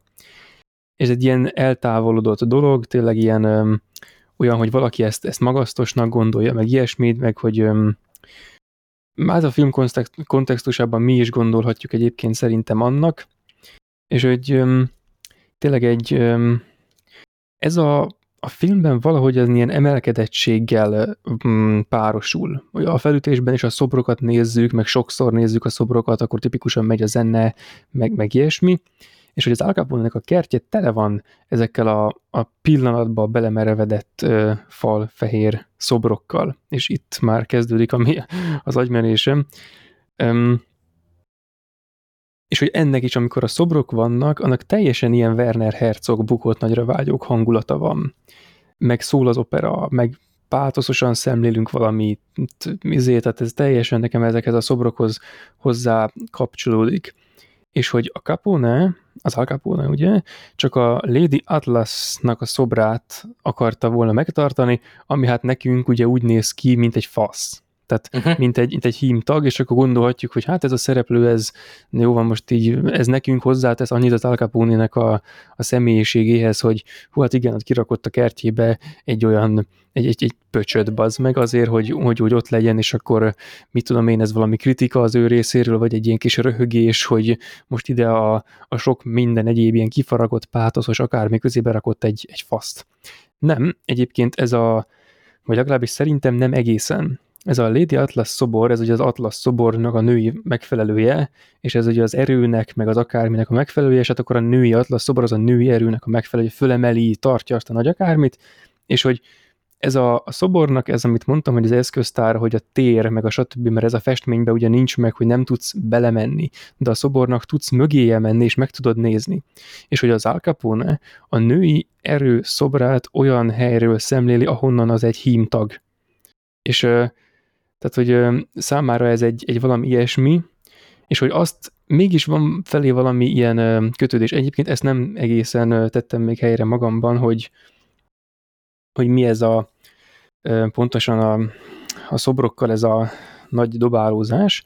Nekem most így Viszont, hirtelen támadt, ezt majd mondom, hogyha befejezted. Rendben, most már lassan a végéhez mhm. érek, hogy um, ahol a film végén kiköt, mármint a szereplő. Nekem az, most visszatérek egyébként egy kicsit a Ház Jack építetthez, meg a Mad Ház, amit Jack épített című filmhez, meg a Mad Dillonhoz, hogy ez nekem nagyon ahhoz hasonlít, ahol a, az Al Capone a filmnek a vége felé, ugye miután mielőtt visszatérünk a valóságba, amikor beleesik a tóba, és akkor ott jön a krokodil, de amúgy ki tudja, hogy jön-e egyáltalán az, az aligátor, mindegy, azt, annak is van egy áthallása, azt majd később megtárgyaljuk, és hogy utána így kiemelkedik a vízből, és ahol, ahol ő így fölébred, abban a békés festményben ébred fel egyébként, ott az nekem nagyon olyan hangulatú, mint, ezt most azoknak mondom, akik látták a házam, amit Jack épített, mint amikor a, a Bruno Ganz vezeti le a, a Jacknek a házából a Jacket a mélybe, és ott van egy rész, ahova így benéznek, és ott az emberek kaszálnak. És hogy oda ő, a Jack ott abban a filmben nem mehet be, de én tökre úgy gondoltam, hogy itt az Al Capone bemehetett arra a helyre. És ez egy ilyen, nekem kicsit így a bűnhődéssel is összecseng, meg mindenféle dolgokkal összecseng, de, és akkor már egész közel vagyunk a lényeghez, hogy a, hogy is mondjam ezt jól, tehát, hogy ő, ez a szobor dolog nekem nagyon fontos, tehát, hogy ő testileg átmegy falfehér szoborba, és lelkileg átmegy békést fest, festménybe. És hogy a, a film végén az aranyfegyverrel, ahogy ő előjön, és szétlövi őket, azelőtt van egy snitt, amikor mutatnak egy ilyen aranypáncélos szobrot, éppen nem emlékszem pontosan melyik, de hogy ez nekem egyértelműen az, hogy az Al Capone-ból egy szobor lett. Ő neki tényleg ez, hogy ő most megállt, elfelejtette a korábbi dolgait, ez most neki a, nem tudom, a pillanat, a vége, Al Capone izé szobor, és ennek a résznek a, a vége, amikor felébred a festményben, úgymond úgy kijön a, az akármiből, és hogy ez tényleg olyan, hogy ahogy ő ott kijön, ugye ott kopaszt. Egyébként nem tudom, hogy ennek van a jelentősége, ez talán csak annyi, hogy nem tudom, más, meg a fején van, és akkor közel van az agyhoz, valami, tudom, valami áthallást találunk, ha akarunk, és hogy ez a képben szereplő sztori, ahol ő felébred, ez egy másik történet, és ez tényleg ott találta meg, ahol korábban az emlékeiben így föllelte, hogy ott kell keresni az elrejtett kincset, ahol víz van. És hogy az igazi kincs az talán tényleg ott volt, ahol a víz van, csak számára ez egy másfajta kincs volt. És hogy azt igazából nem szeretem ebben a filmben, hogy ezután visszatértünk a valóságba. Tehát én egyébként ott fejeztem volna be, uh-huh. hogy ő kijön a vízből, és akkor ott történik valami, valami történik. Valami reveláció. Ott valami, és akkor Mert ez lett volna. Abban a jelenetben az a gyerek van, akit a rémálmaiban láthattunk. Igen, az a gyerek egyébként, és tényleg ez, hogy, hogy ahogy ő a filmben egy, egyre inkább kinéz, az már tényleg egyre megy a, a szoborság felé tart. És utána, ahol hirtelen felébred, az meg ez a békés kép, amit nézett már a falon egy csomószor, a legnyomorúságosabb pillanataiban, mindig az ilyen képeket, képekre tekintett föl. Ö, ö, hogy mondjam, a, gyerek az két, két valaki lehet az, vagy a Meddinonnak a karaktere, vagy egy fiatal Capone. Igen, igen. Csak nem tudjuk. nem tudjuk, de egyébként én szerintem én inkább azt hinném, hogy, hogy az a, a fiatal Capone. Lehet. Mint a Citizen kane hogy az utolsó szava a rózsabimbo az a gyerekkorához vezethető vissza, és itt is az a jelenet lenne, hogy visszavezethető a gyerekkorára, hogy ő honnan jött. Lehet, hogy az a kápóna onnan származik a kápóne, csak én ennyire, nem, ennyire sose érdekelt a kápónénak az élete, hogy ennyire utána nézek, még e, ennek a filmnek a hatására se, és visszatérve a szóbokról, ez így tetszett, ahogy mondtad, hogy a képek azok így fe, úgymond idézelse felszínesek, hogy nem lehet mögéjük látni, mert hogyha mögéjük nézzük, akkor csak a képnek a hátoldalát láthatjuk, és a szobrok azok, amiket minden oldalból meg lehet tekinteni, és véleményem szerint a filmek az ennek a megte, úgymond újabb lépcsőfoka, újabb generációja, mert egy lapos felszínen, egy lapos vásznon látjuk a filmet, viszont mozog, minden oldalát láthatjuk minden karakternek, és el tudom képzelni, hogy Josh Trank így ezt akarta mutatni, hogy eddig felszínes filmeket csináltam, a Chronicle az egy jó ötlet volt, viszont nem teljes egészében az én filmem, mert egy másik forgatókönyvírónak az érdeme, én csak besegítettem, a Fantastic az csak egy stúdiófilm volt, amiben én csak az, asszisztáltam, semmi közöm nem volt hozzá se a karakterekhez, se a vízióhoz, mert az én víziómat semmi bevette a stúdió, mert meg se hallgatták, ők csak hagyták, hogy csinálja azt, amit akar, és akkor The Last Jedi is később emiatt bukott meg kritikailag, főleg a rajongók körében, mert azt csinálta a rendező, amit akart, és a stúdió nem szólt be, hogy várja, ezt így nem lehet és akkor voltak, akik értékelni tudták, a Capone kapcsán is ezt látom, hogy tudták értékelni, és itt a stáblistárnál, a szobrokkal, lehet, hogy ezt akarja Josh Trank is mutatni, hogy a szobrok 3 és akkor ö, mögéjük lehet látni a filmeknek, hogy a Capone egy olyan film lesz, ami az én vízióm. Én írtam, én rendeztem, és én is vágtam a filmet, szóval ez jóval mélyebb alkotás lesz, mint az előző kettő, és ebben van valami, hogy tényleg uh, mély, mert lassan egy órája beszélünk erről a filmről, vagy szerintem túl is vagyunk rajta, és lehet erről beszélni, csak nem mindig a pozitív értelemben, mert ez a film inkább olyan, mint egy 3D kép, hogy a 2D kép, aminek vannak domburalatai, mint a domburatos térképek, amiket felszoktak akasztani, és akkor láthatjuk a hegységeket, hogy mekkora, mennyire mélyülnek kifele az Alföldhöz képest. Hogy én a Capone-t ezt így látom, hogy megvannak az erényei, megvannak a részletei, de csak ennyi. Ez nem egy olyan film, ami így hosszú évekig így emelgetni fogják az emberek, mint pozitív példa.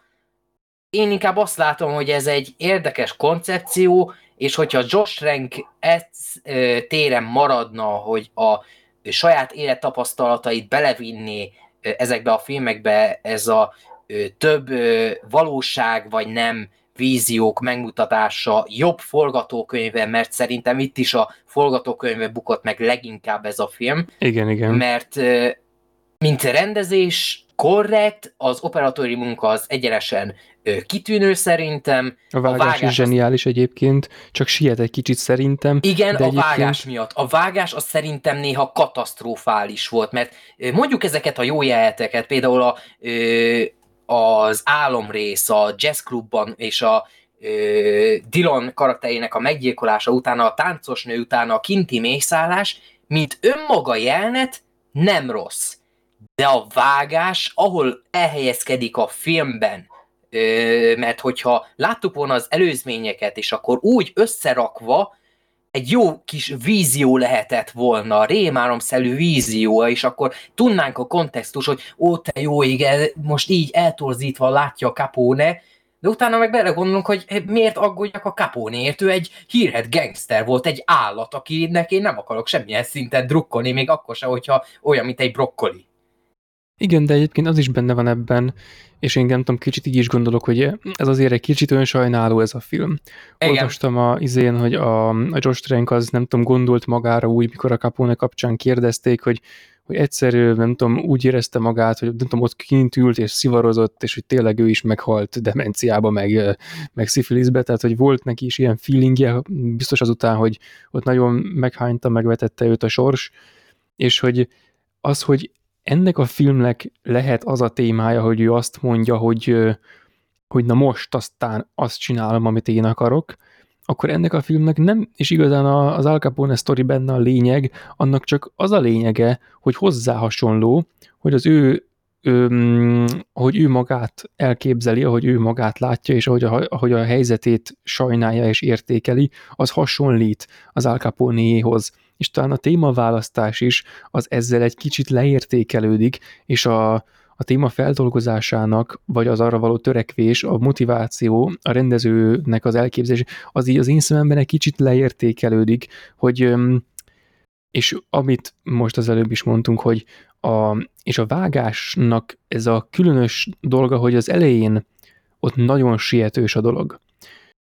És egy csomó helyen ezt érzem, hogy a film is siet, így, így kapkod, így csapkod, és azon kívül egyébként jók a plánok, meg minden, tehát teljesen korrekt. Én mondjuk ezt, hogy mi hol van a filmben, azt én inkább a, a történetvezetésnek a, a számlájára írtam volna, de vissza, mert elkanyarodtam, hogy ha ez egy ilyen önreflektív film, akkor azt nem muszáj egy Al Capone sztorival megcsinálni, tehát hogy az, akkor nem vagyunk rászorulva a világ egyik leghíresebb, hatalmas öm, gangsterének a, a történetére, ami így ö, nem méltó szerintem, hát hogy Capone, Al capone az emlékéhez, hát nem akarjuk őt most felmagasztolni, meg nem tudom milyen színbe feltüntetni, de amilyen ö, életutat ő bejárt, az megérdemelne egy ilyen eposzi filmet. Jó, voltak már róla persze filmek, de egy ilyen ö, hangulatú film, mint ez, vagy egy ilyen végjátékú film, mint amilyen ez az egész film, egy olyat megérdemelt volna, viszont hogyha ez a John Stranknek ez az önreflektív,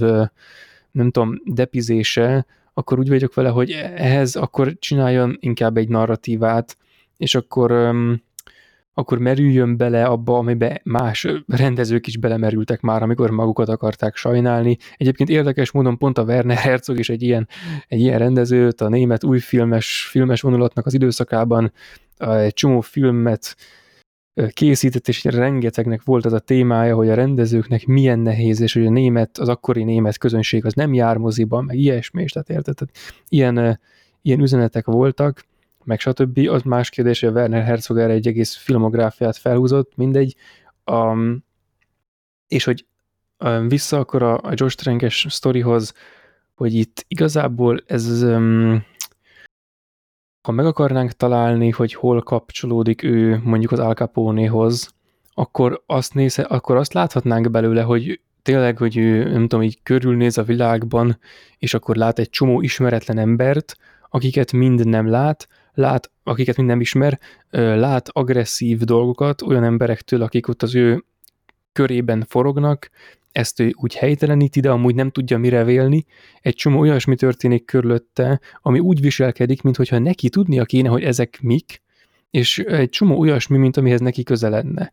És, és például, amit én olvastam a, és ebben tudod, mi a vicces? Mi a nézők se tudjuk. És egy, igen, igen, tehát mi se tudjuk, és e- ez, ez az, hogy itt ki lehet, meg lehet tenni a, a kitekintést abba az irányba, hogy talán akkor a film úgy akar viselkedni, ami a témája, de ezt már elvetettem korábban, mert amúgy nem, tehát uh, itt sajnos választani kell a pátoszos szemlélés, meg a, a filmnek ez a mindent egybe mosunk dolga közül.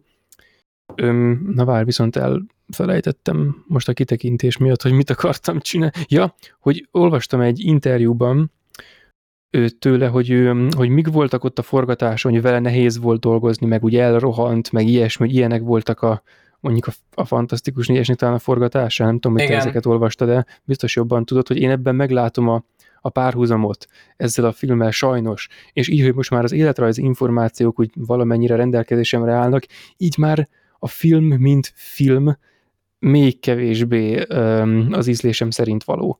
Így még inkább olyan, hogy ez így magáról csinált, nem tudom, 36 éves a csóka, csinált egy ilyen nagy összegző filmet saját magáról, egy, arcpo- egy arcpoétikát magáról, és így most így kifejezte, hogy izé, viszont nem azt fejezte ki, amilyen az ő filmrendezése, hanem ami az ő reakciója arra, hogy nem olyan filmeket készít, vagy nem tud úgy rendezni, ahogy akar és ez nekem olyan, hogy ebben most se ebből a szempontból, se abból a szempontból nincs végigvitt cél, vagy belelá, vagy, vagy megvalósított üzenet, hanem ez egy tényleg olyan, olyan, mint a vágás. Ilyen, így, így sietünk, meg csapkodunk, meg izé, Ö, tehát ez... A Josh Trank az nagyon szeretne ö, a mostani helyzetben ezzel a filmmel nagyon Nicholas Windy Refn féle stílust akart felvetni, uh-huh Viszont nem a megszokott példákat hozom, mint a Drive, meg a, az Only God Forgives, hanem az egyik első filmét, a Bronzont. Nem tudom, hogy láttad-e. Nem, szint, hallottam a címét. Szintén Tom hardy film, ami szintén egy életrajzi-szerű film, viszont a Windy Refn féle úgymond vizuális történetmesélés, úgy, hogy bele lehet látni dolgokba. Szóval nem mindig az, amit látunk, az nem mindig valós. Ö, ö, angol van egy remek szó erre, az over exaggerated, hogy túlzó néha az a film, Például az, hogy ha jól emlékszem, volt egy, már nagyon régen láttam a bronzon, de ha jól emlékszem, volt egy olyan rész, hogy berakták a börtönbe az egyik bunyója után, és akkor a kamera hátra megy, és akkor a nagy sötétséget láthatjuk, amiben láthatjuk azt, hogy bronzon ebbe a kemény helyzetben ő most ott egyedül van, ami a valóságban nem lehetne megcsinálni ezt a beállítást, de egy refön az meg tudja ezt csinálni, így érzékelteti, hogy ő most egyedül van. És ebben a filmben, a Capone-ban akartam látni ezeket a dolgokat, csak sokkal rosszabbul volt ez megcsinálva. Ez a, ez a film így önmagában, ha a 2010-es refön csinálta volna, egy jóval érdekesebb filmet kaptunk volna, úgyhogy maga az alapszituáció ugyanaz. Szóval ugyanúgy nem nagyon látunk az e, életéből túl sok mindent, de egy picit szerintem bevihetett volna a bronzonféle stílusából, hogy életrajzi is egyben, meg közben elgondolkodtató dráma is.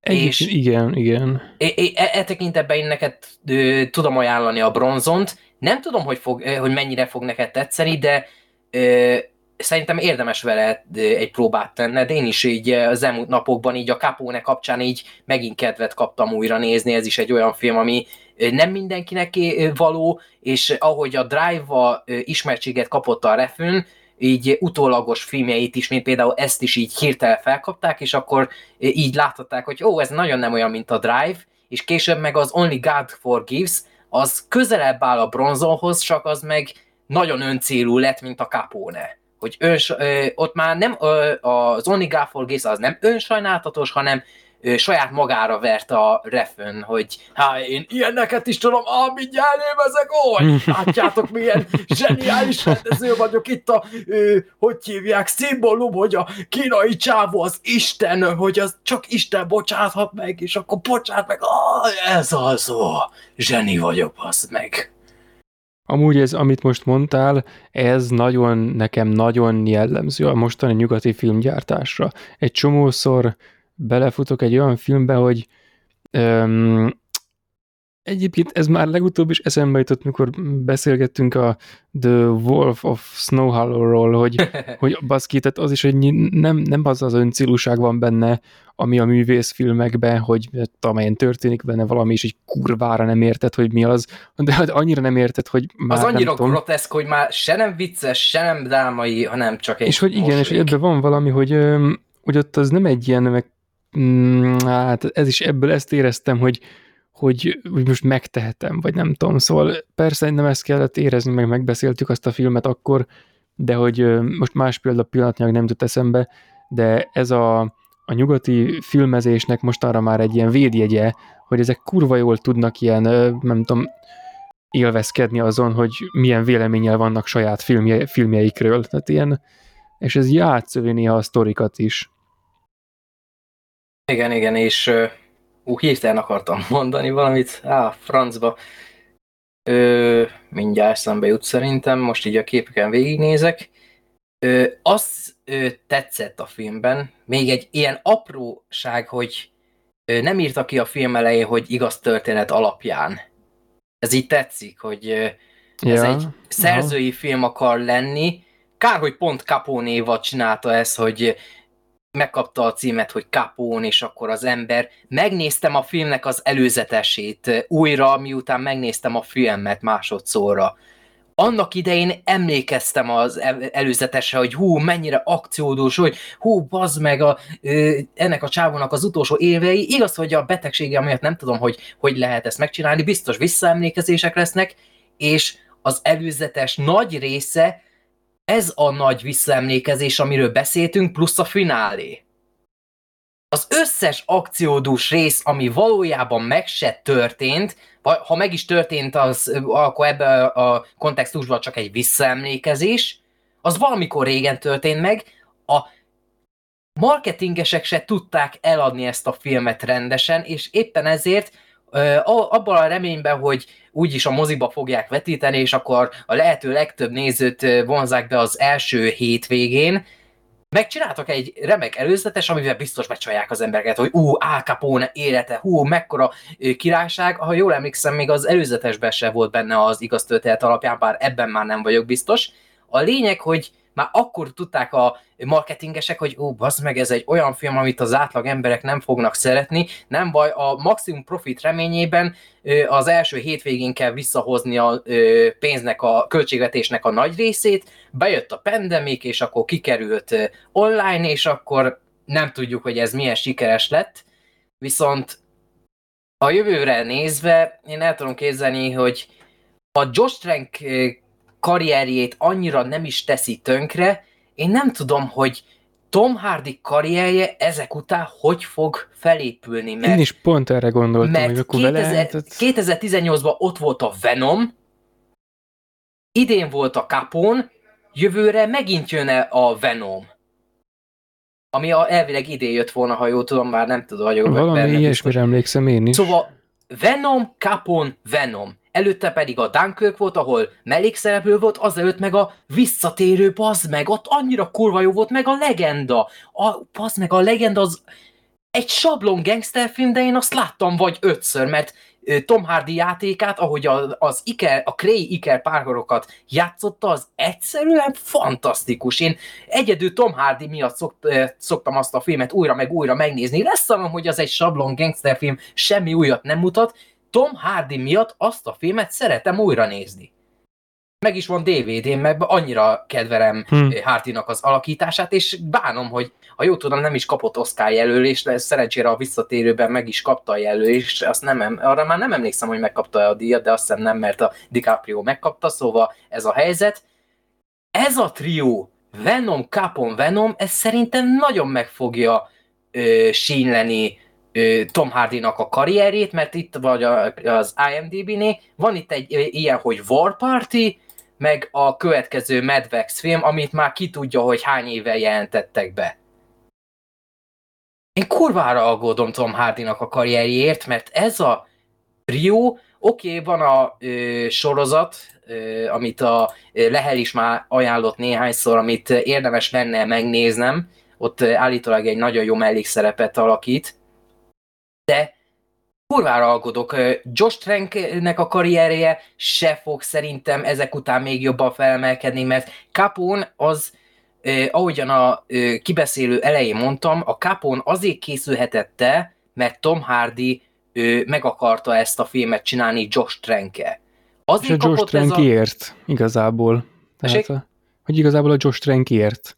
Tehát a, volt ez a, a cikkben valahol, nem, hogy öm, amit küldtél meg, amit azért, hogy, hogy mikor a forgatókönyvet elküldte, vagy a sztorit, akkor utána a telefonon beszélgettek egy csomót róla. Hát nem tudom egyébként, egy kicsit úgy vagyok ezzel, hogy Tom Hardy szerintem egy ilyen Incepció, Shadow Island, meg talán Citizen Kane-szerű filmet láthatott benne, hogy hát, ez a ö, keverék, ez kurva jó lehet számára, mint Oscar jelölés. Egy egyébként kurva jól is alakít, tehát az benne van, hogy ő az... Ö, én nem szerintem, mondanám. Én, szerintem rohadt jól lehozza ezt a, ezt a figyelj, figurát. Figyelj, figyelj, figyelj. Másfél óráig azt látni, hogy egy ember így fokozatosan leépül, ez lehet, hogy maszkmunka, meg színészi játék esetén nem rossz, de amikor a film második felétől egy répa van a szájában, és ugyanúgy néz, mint a film, vagyis nem úgy néz, mint a film elején, hanem konkrétan üres fejjel néz előre, üres szeme, üres tekintettel néz előre is, mintha látott volna mozgás az erdőbe, és akkor hú, ez most tényleg megtörtént, hogy azok tényleg a nyomozók vannak-e ott, akik lehallgatják, és akkor tényleg ott vannak-e, vagy tényleg elképzelje a paranoia miatt, és utána meg répával a szájába csak úgy ott áll, az nem színészi játék, az csak ott ül, és a többi mellékszereplő annyival érdekesebb, hogy figyelj, próbálj meg emlékezni, hogy hova rejtetted e azt a 10 millió dollárt, mert a családod oda fog veszni, végük van egyszerűen meg ahogy a ö, fia is, hogy oké, okay, elég lesz már a játékból, és akkor ö, meg a színészkedésből, és akkor nem, és akkor a, azért éreztem Hardy játékát néha úgy korrektnak, mert a többi mellékszereplő emelte ki, hogy amúgy ez jónak számít ez az alakítás, de én igazából nem ájultam el tőle, és ezért félek, hogy lehet, hogy mások is ezt látták, hogy csak így ült a székében, és akkor pelenkával a seggében így rohangált néha. Hát és egyébként nem tudom, ez... igen, igen. Where's my cigarette? De egyébként rossz, nem még tudom, hát, is rossz volt, szörnyű, nem Nagyon tudom, rossz, hogy... tehát amikor beszél, volt az a rész, amikor táncoltak a, a feleségével, és olyan közel hajolt hozzá, és hogy beszélt neki, egy szót sem értettem abból, amit mondott, csak a felirat segített, és Na ott úgy volt, hogy ha hozzám jönne valaki ilyen hangú, ilyen közel, akkor én lehet, hogy bazd meg kurvára odébb mennék.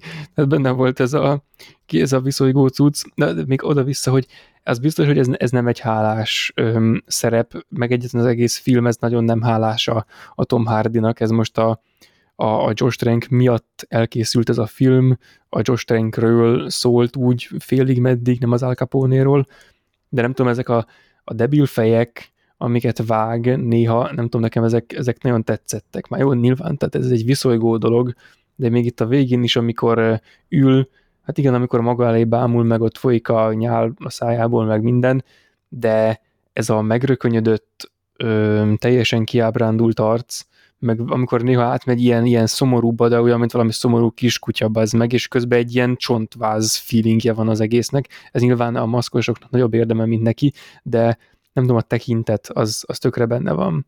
És erről most eszembe jutott egy, egy ilyen kis sztori, ez nem igazán illik ide, csak az előbb, amikor mondtad, hogy ilyen üres tekintettel néz, hogy igazából a, az egy kurva nagy színészi ö, teljesítmény, hogy az ember üres tekintettel nézzen.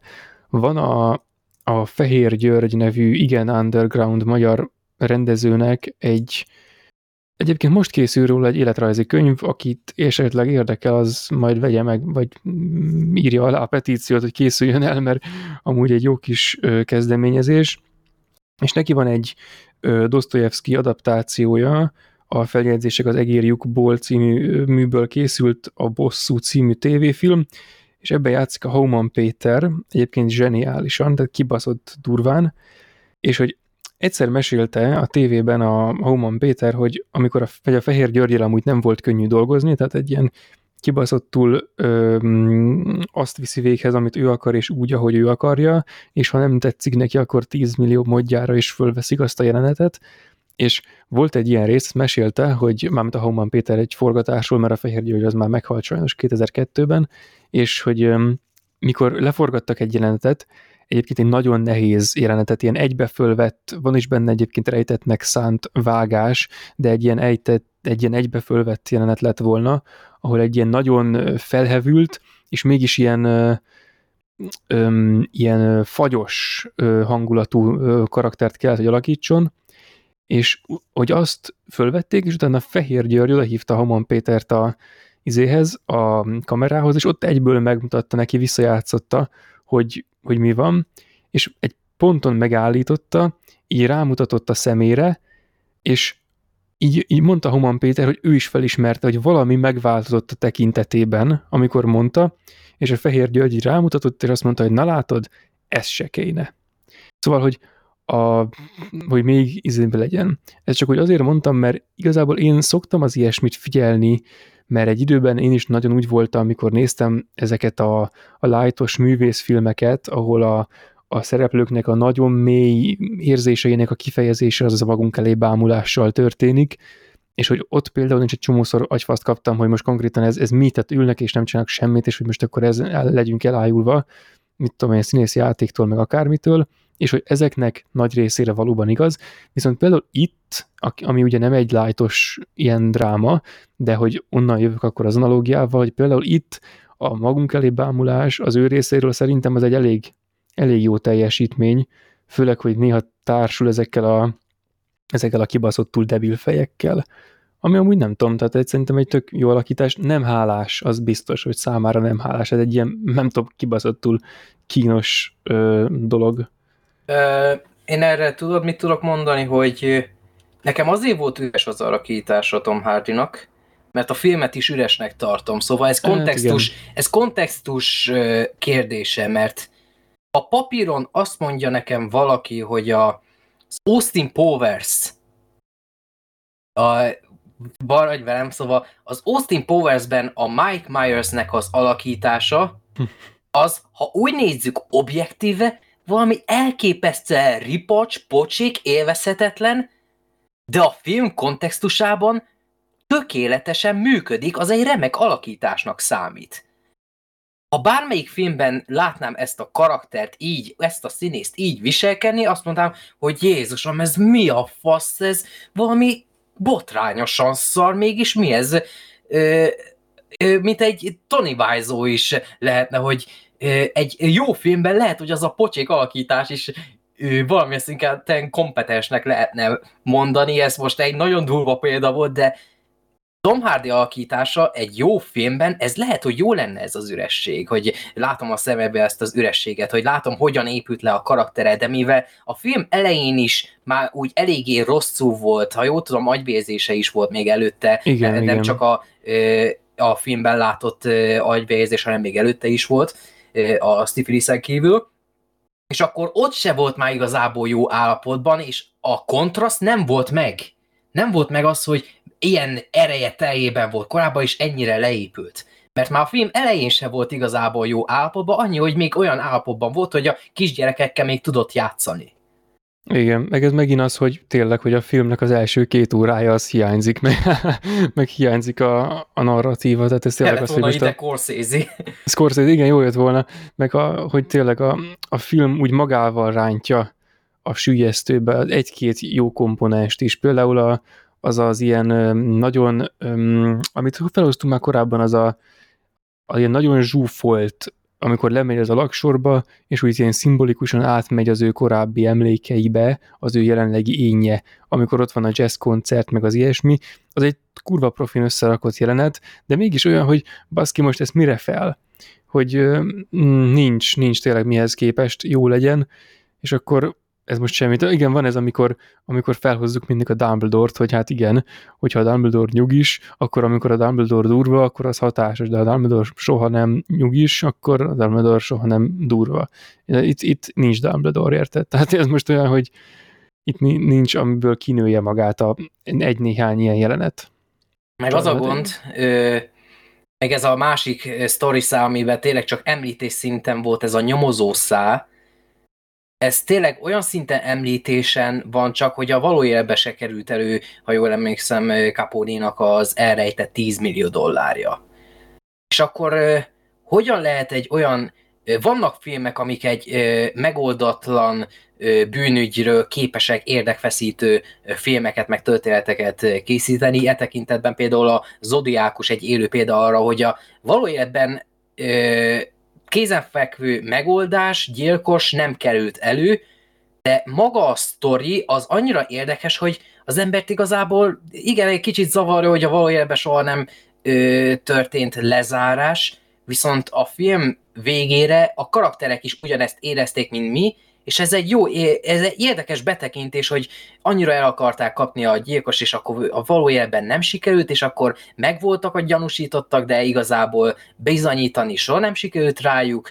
Itt is ezt látom, hogy van ez a lezáratlan történetszár, Viszont ez a filmben inkább időhúzásnak érződik, hogy a rendőrség felkereste Tonit, és akkor ebből nem lett semmi, a rendőrök lehallgatták az utolsó éveben, viszont a nagy egészre nézve nem jelentett semmit. Megvolt ez a nagyon szenvedős kihallgatás erre a nagyon ambíciózus ifjú rendőrtől, hogy akkor is kihallgatom a nagy álkapónét, nem érdekel, hogy betegő, biztos így könnyebben el fogja szólni magát, mert most már őszintén tud beszélni egyes dolgokról, és akkor kurvára beég azzal, hogy konkrétan előtte összeszarja magát, és akkor ó, az meg ez vagy egy kurva jó színész, és akkor tényleg összeszarta magát csak ezért a szerkedvét, vagy tényleg annyira beteg, hogy értelmes sincsen nyomozni utána, mert utána tényleg nem volt, ha jól emlékszem, nem is volt, nem is volt több jel, rendőri nem. jelenet,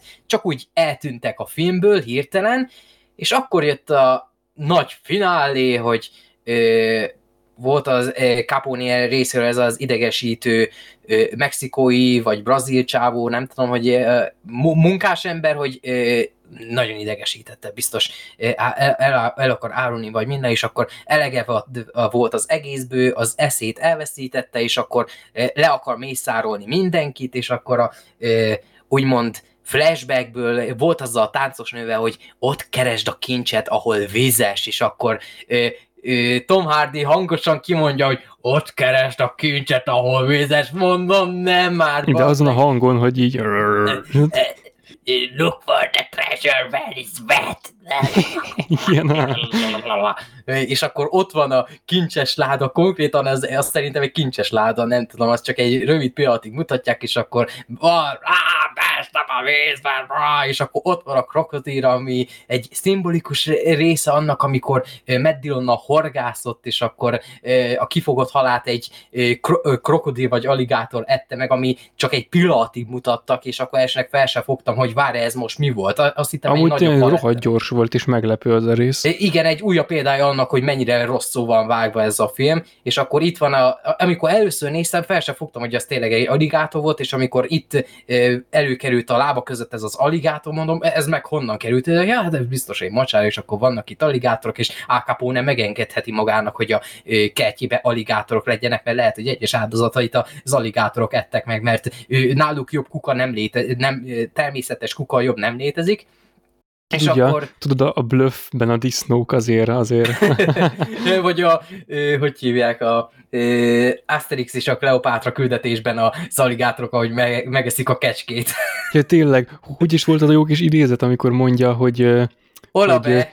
meg a várjál, hogy a, amikor, hogy um, igen, hogy hegyezd a kis hallókádat, pucolt ki a hüllőkádat. Ez a, Ú, én imádom azt a filmet. Ez a nagyszerű film. Ja, szívesebben beszélnék arról, és akkor idéznék belőle, mint erről, de lassan a végéhez érünk, és akkor jön ez a korábban említett templomos rész, ahol valószínűleg a fiatalkori önmagával találkozik, és akkor jön természetesen az, amit én már előre sejtettem, hogy Fonza csak elájult, és akkor csak meglőtte a csávót, de túlélte, szóval csak ne, semmilyen mészállás nem volt, hanem az is a te, e, fejében volt, viszont az előzetesekbe berakták, hogy nézzétek az öreg, beteg Alphonse Capons, az még így is az arany tomigányával szétlövi a bagást, és akkor á, ez valójában nem történt meg. Hm. Ja. Egyébként az a rész, nekem kifejezetten sértő volt, mert már úgy beleéltem magam egyébként, hogy ott kijött a tóból a templom mellett, amit láttunk korábban a, a képen, hogy egészen csalódtam. Mm. Igen, és Meg akkor... Semmi baj nincs azzal, hogy szétlőtte őket arany ízével, tehát nem tudom, a, a híres gangsterfilmekben ugye a legjobbat a keresztapát kivéve, meg még egy-kettőt, a, jó, majd egyszerre volt egyszer egy Amerikáról is kéne beszélni az elemzős adásokban, na mindegy. Tehát például a és arcúban is megvan ez a klasszikus dolog, hogy ott szétlövi, tehát ez a szétlövős dolog, ez amúgy semmi baj, meg a, meg egyáltalán a filmek részéről ezt, amikor így visszacsinálnak valamit, ezt úgy nem szeretem. Ez olyan, mint amikor megtörténik az egész film, és a végén, hogy ó, csak álmodta, hát akkor bazd ja. meg, ha csak álmodta, hát akkor ez...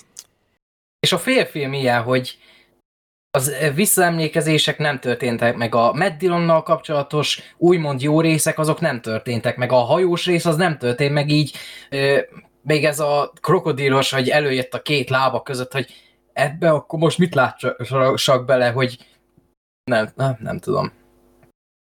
A befejezés az jó lett volna, az tetszett, az a apró, hogy a kisgyerek azt mondja, hogy hálás vagyok Fonz nagypapáért, az úgy így jó, egy kis visszatekintés az elejére, hogy és ő... Tudod, közben a... ott ül vele szemben, már nem tudja a fejét tartani. Mint egy zombi. Így folyik a nyála, baszki, azt mondtam majdnem, hogy nyálából a száj, jó, az is igaz fel úgy, hogy a való életben is azért a kisgyerekek azért ezt így saját tapasztalatból tudom mondani, hogyha egy rokon nagyon beteg, és ilyesmi betegségbe szenved, akkor a kisgyerek az úgy kép, képes elnéző lenni, és nem látja azt, hogy ennyire beteg, hanem csak a nagypapáját, nagymamáját igen, látja. Igen, szóval persze. Ez igen. egy olyan dolog, amiben én nem akarok belekötni, mert ez van ilyen, szóval én ezt így, igen, igen, ezt, én ezt így tudom. tudom. És az így tetszik, hogy a film elején a kislány nem tudta, hogy miért kell hálásnak lenni a hálaadásét, és akkor a Fonz nagyapó elmagyarázta neki a saját stílusába, hogy miről is szól a hálaadás, és akkor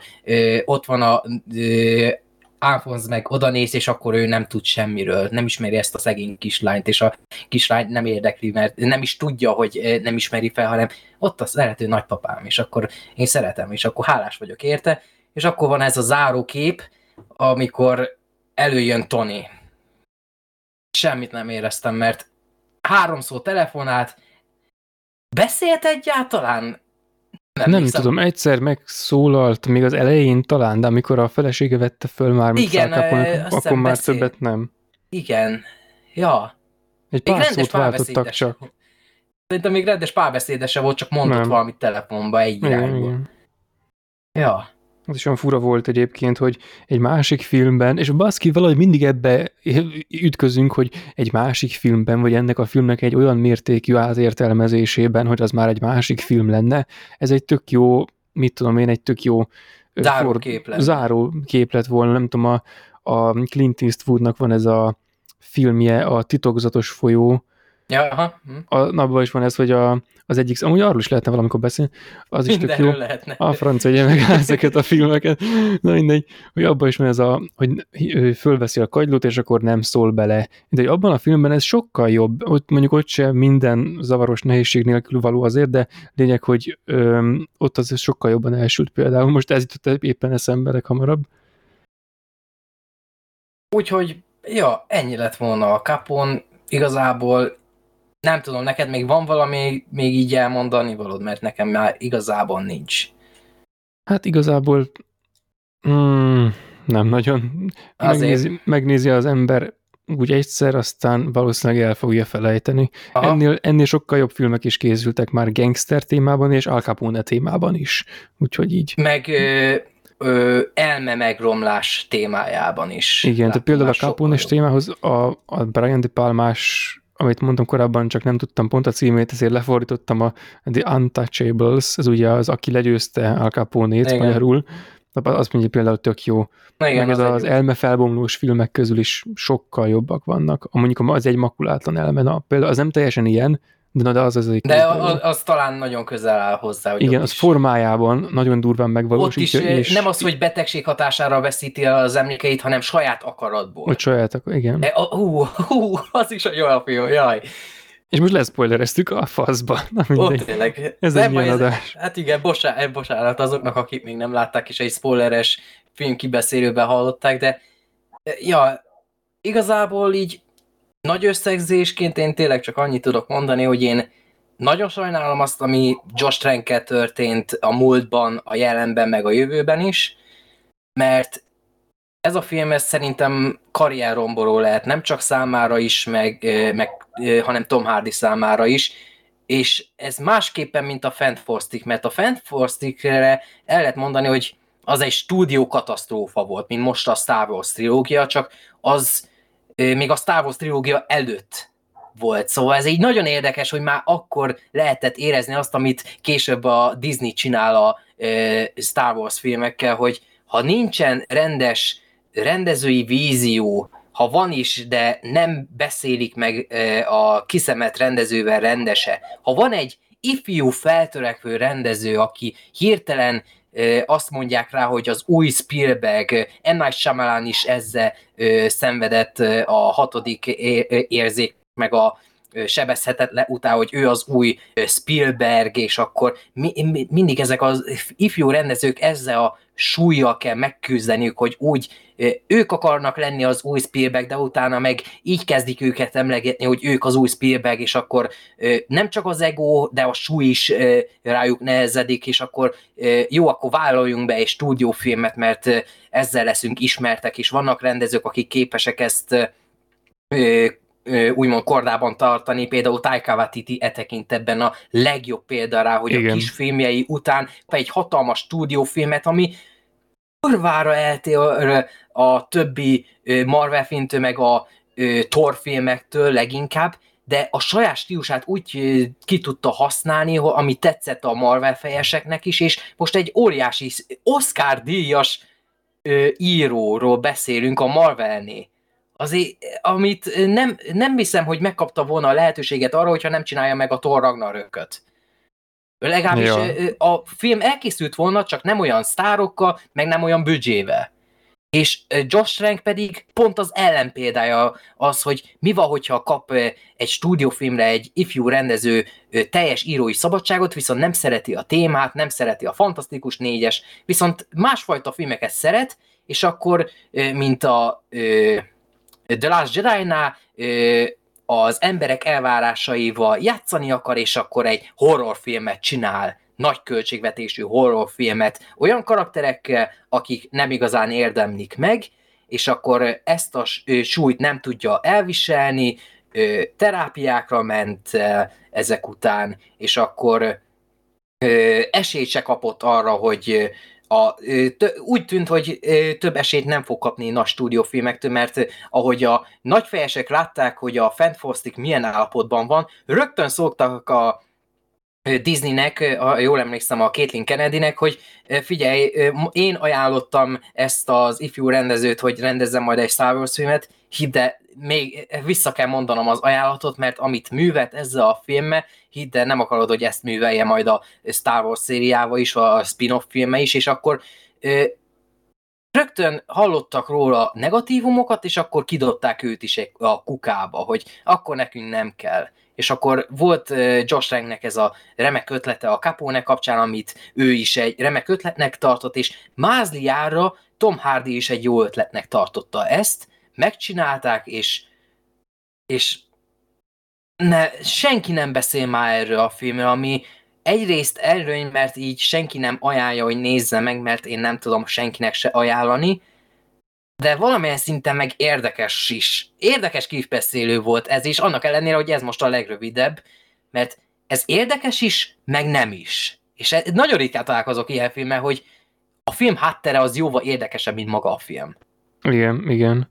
Meg és... hát ez most az ő karrierjében lehet, hogy egy olyasmit jelent, hogy ahonnan ő jött, tehát egy, egy érdekes, kisköltségvetésű, sok kreativitást igénylő, egyébként tipikusan az ilyen filmekből lesznek a nagy felfutások, tehát nem a nagy hollywoodi blockbusterekre jellemző az, hogy ilyen, nem tudom, legendásként emlegetjük őket, ha bár újabban már igen, de hát újabban már minden divat, úgyhogy mindegy, hanem most lehet, hogy az ő karrierjében az jön, hogy akkor ki kell még egy, egy kis költségvetésű, nagy kreativitást igénylő film, hát be kéne járni még egyszer ezt az utat. Tehát mert ez tényleg olyan, hogy most a, így megrendült, tehát a hollywoodi gépezetnek a bizalma megrendül az emberben, akkor az, az egy nem egy fényes jövőt, meg nem tudom, jó megkeresésekben dúskáló jövőt jósol.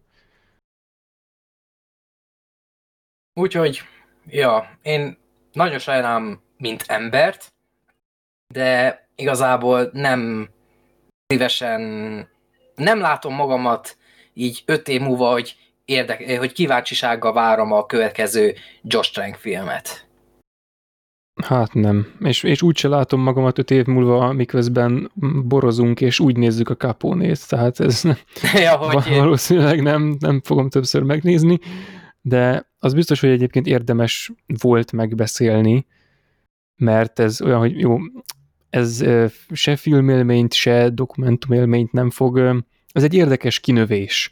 Ugye az egész nyugati filmezés körében, meg a Josh Tranknek a, a karrierjében egy ilyen érdekes kinövés. Ezt most úgy Igen. megbögdöstük egy kicsit. Igen, egy kicsit sajnálom még, hogy így hosszú évekig záróval lesznek a Fantasztikus négyesnek a háttére, hátterében történt dolgok, szóval így ilyen hétszeres lakat alatt áll, hogy mi történt az ottani helyzetben, az, amit az interneten meg tudtunk találni, az csak a töredéke annak, hogy Igen. valójában mi történt.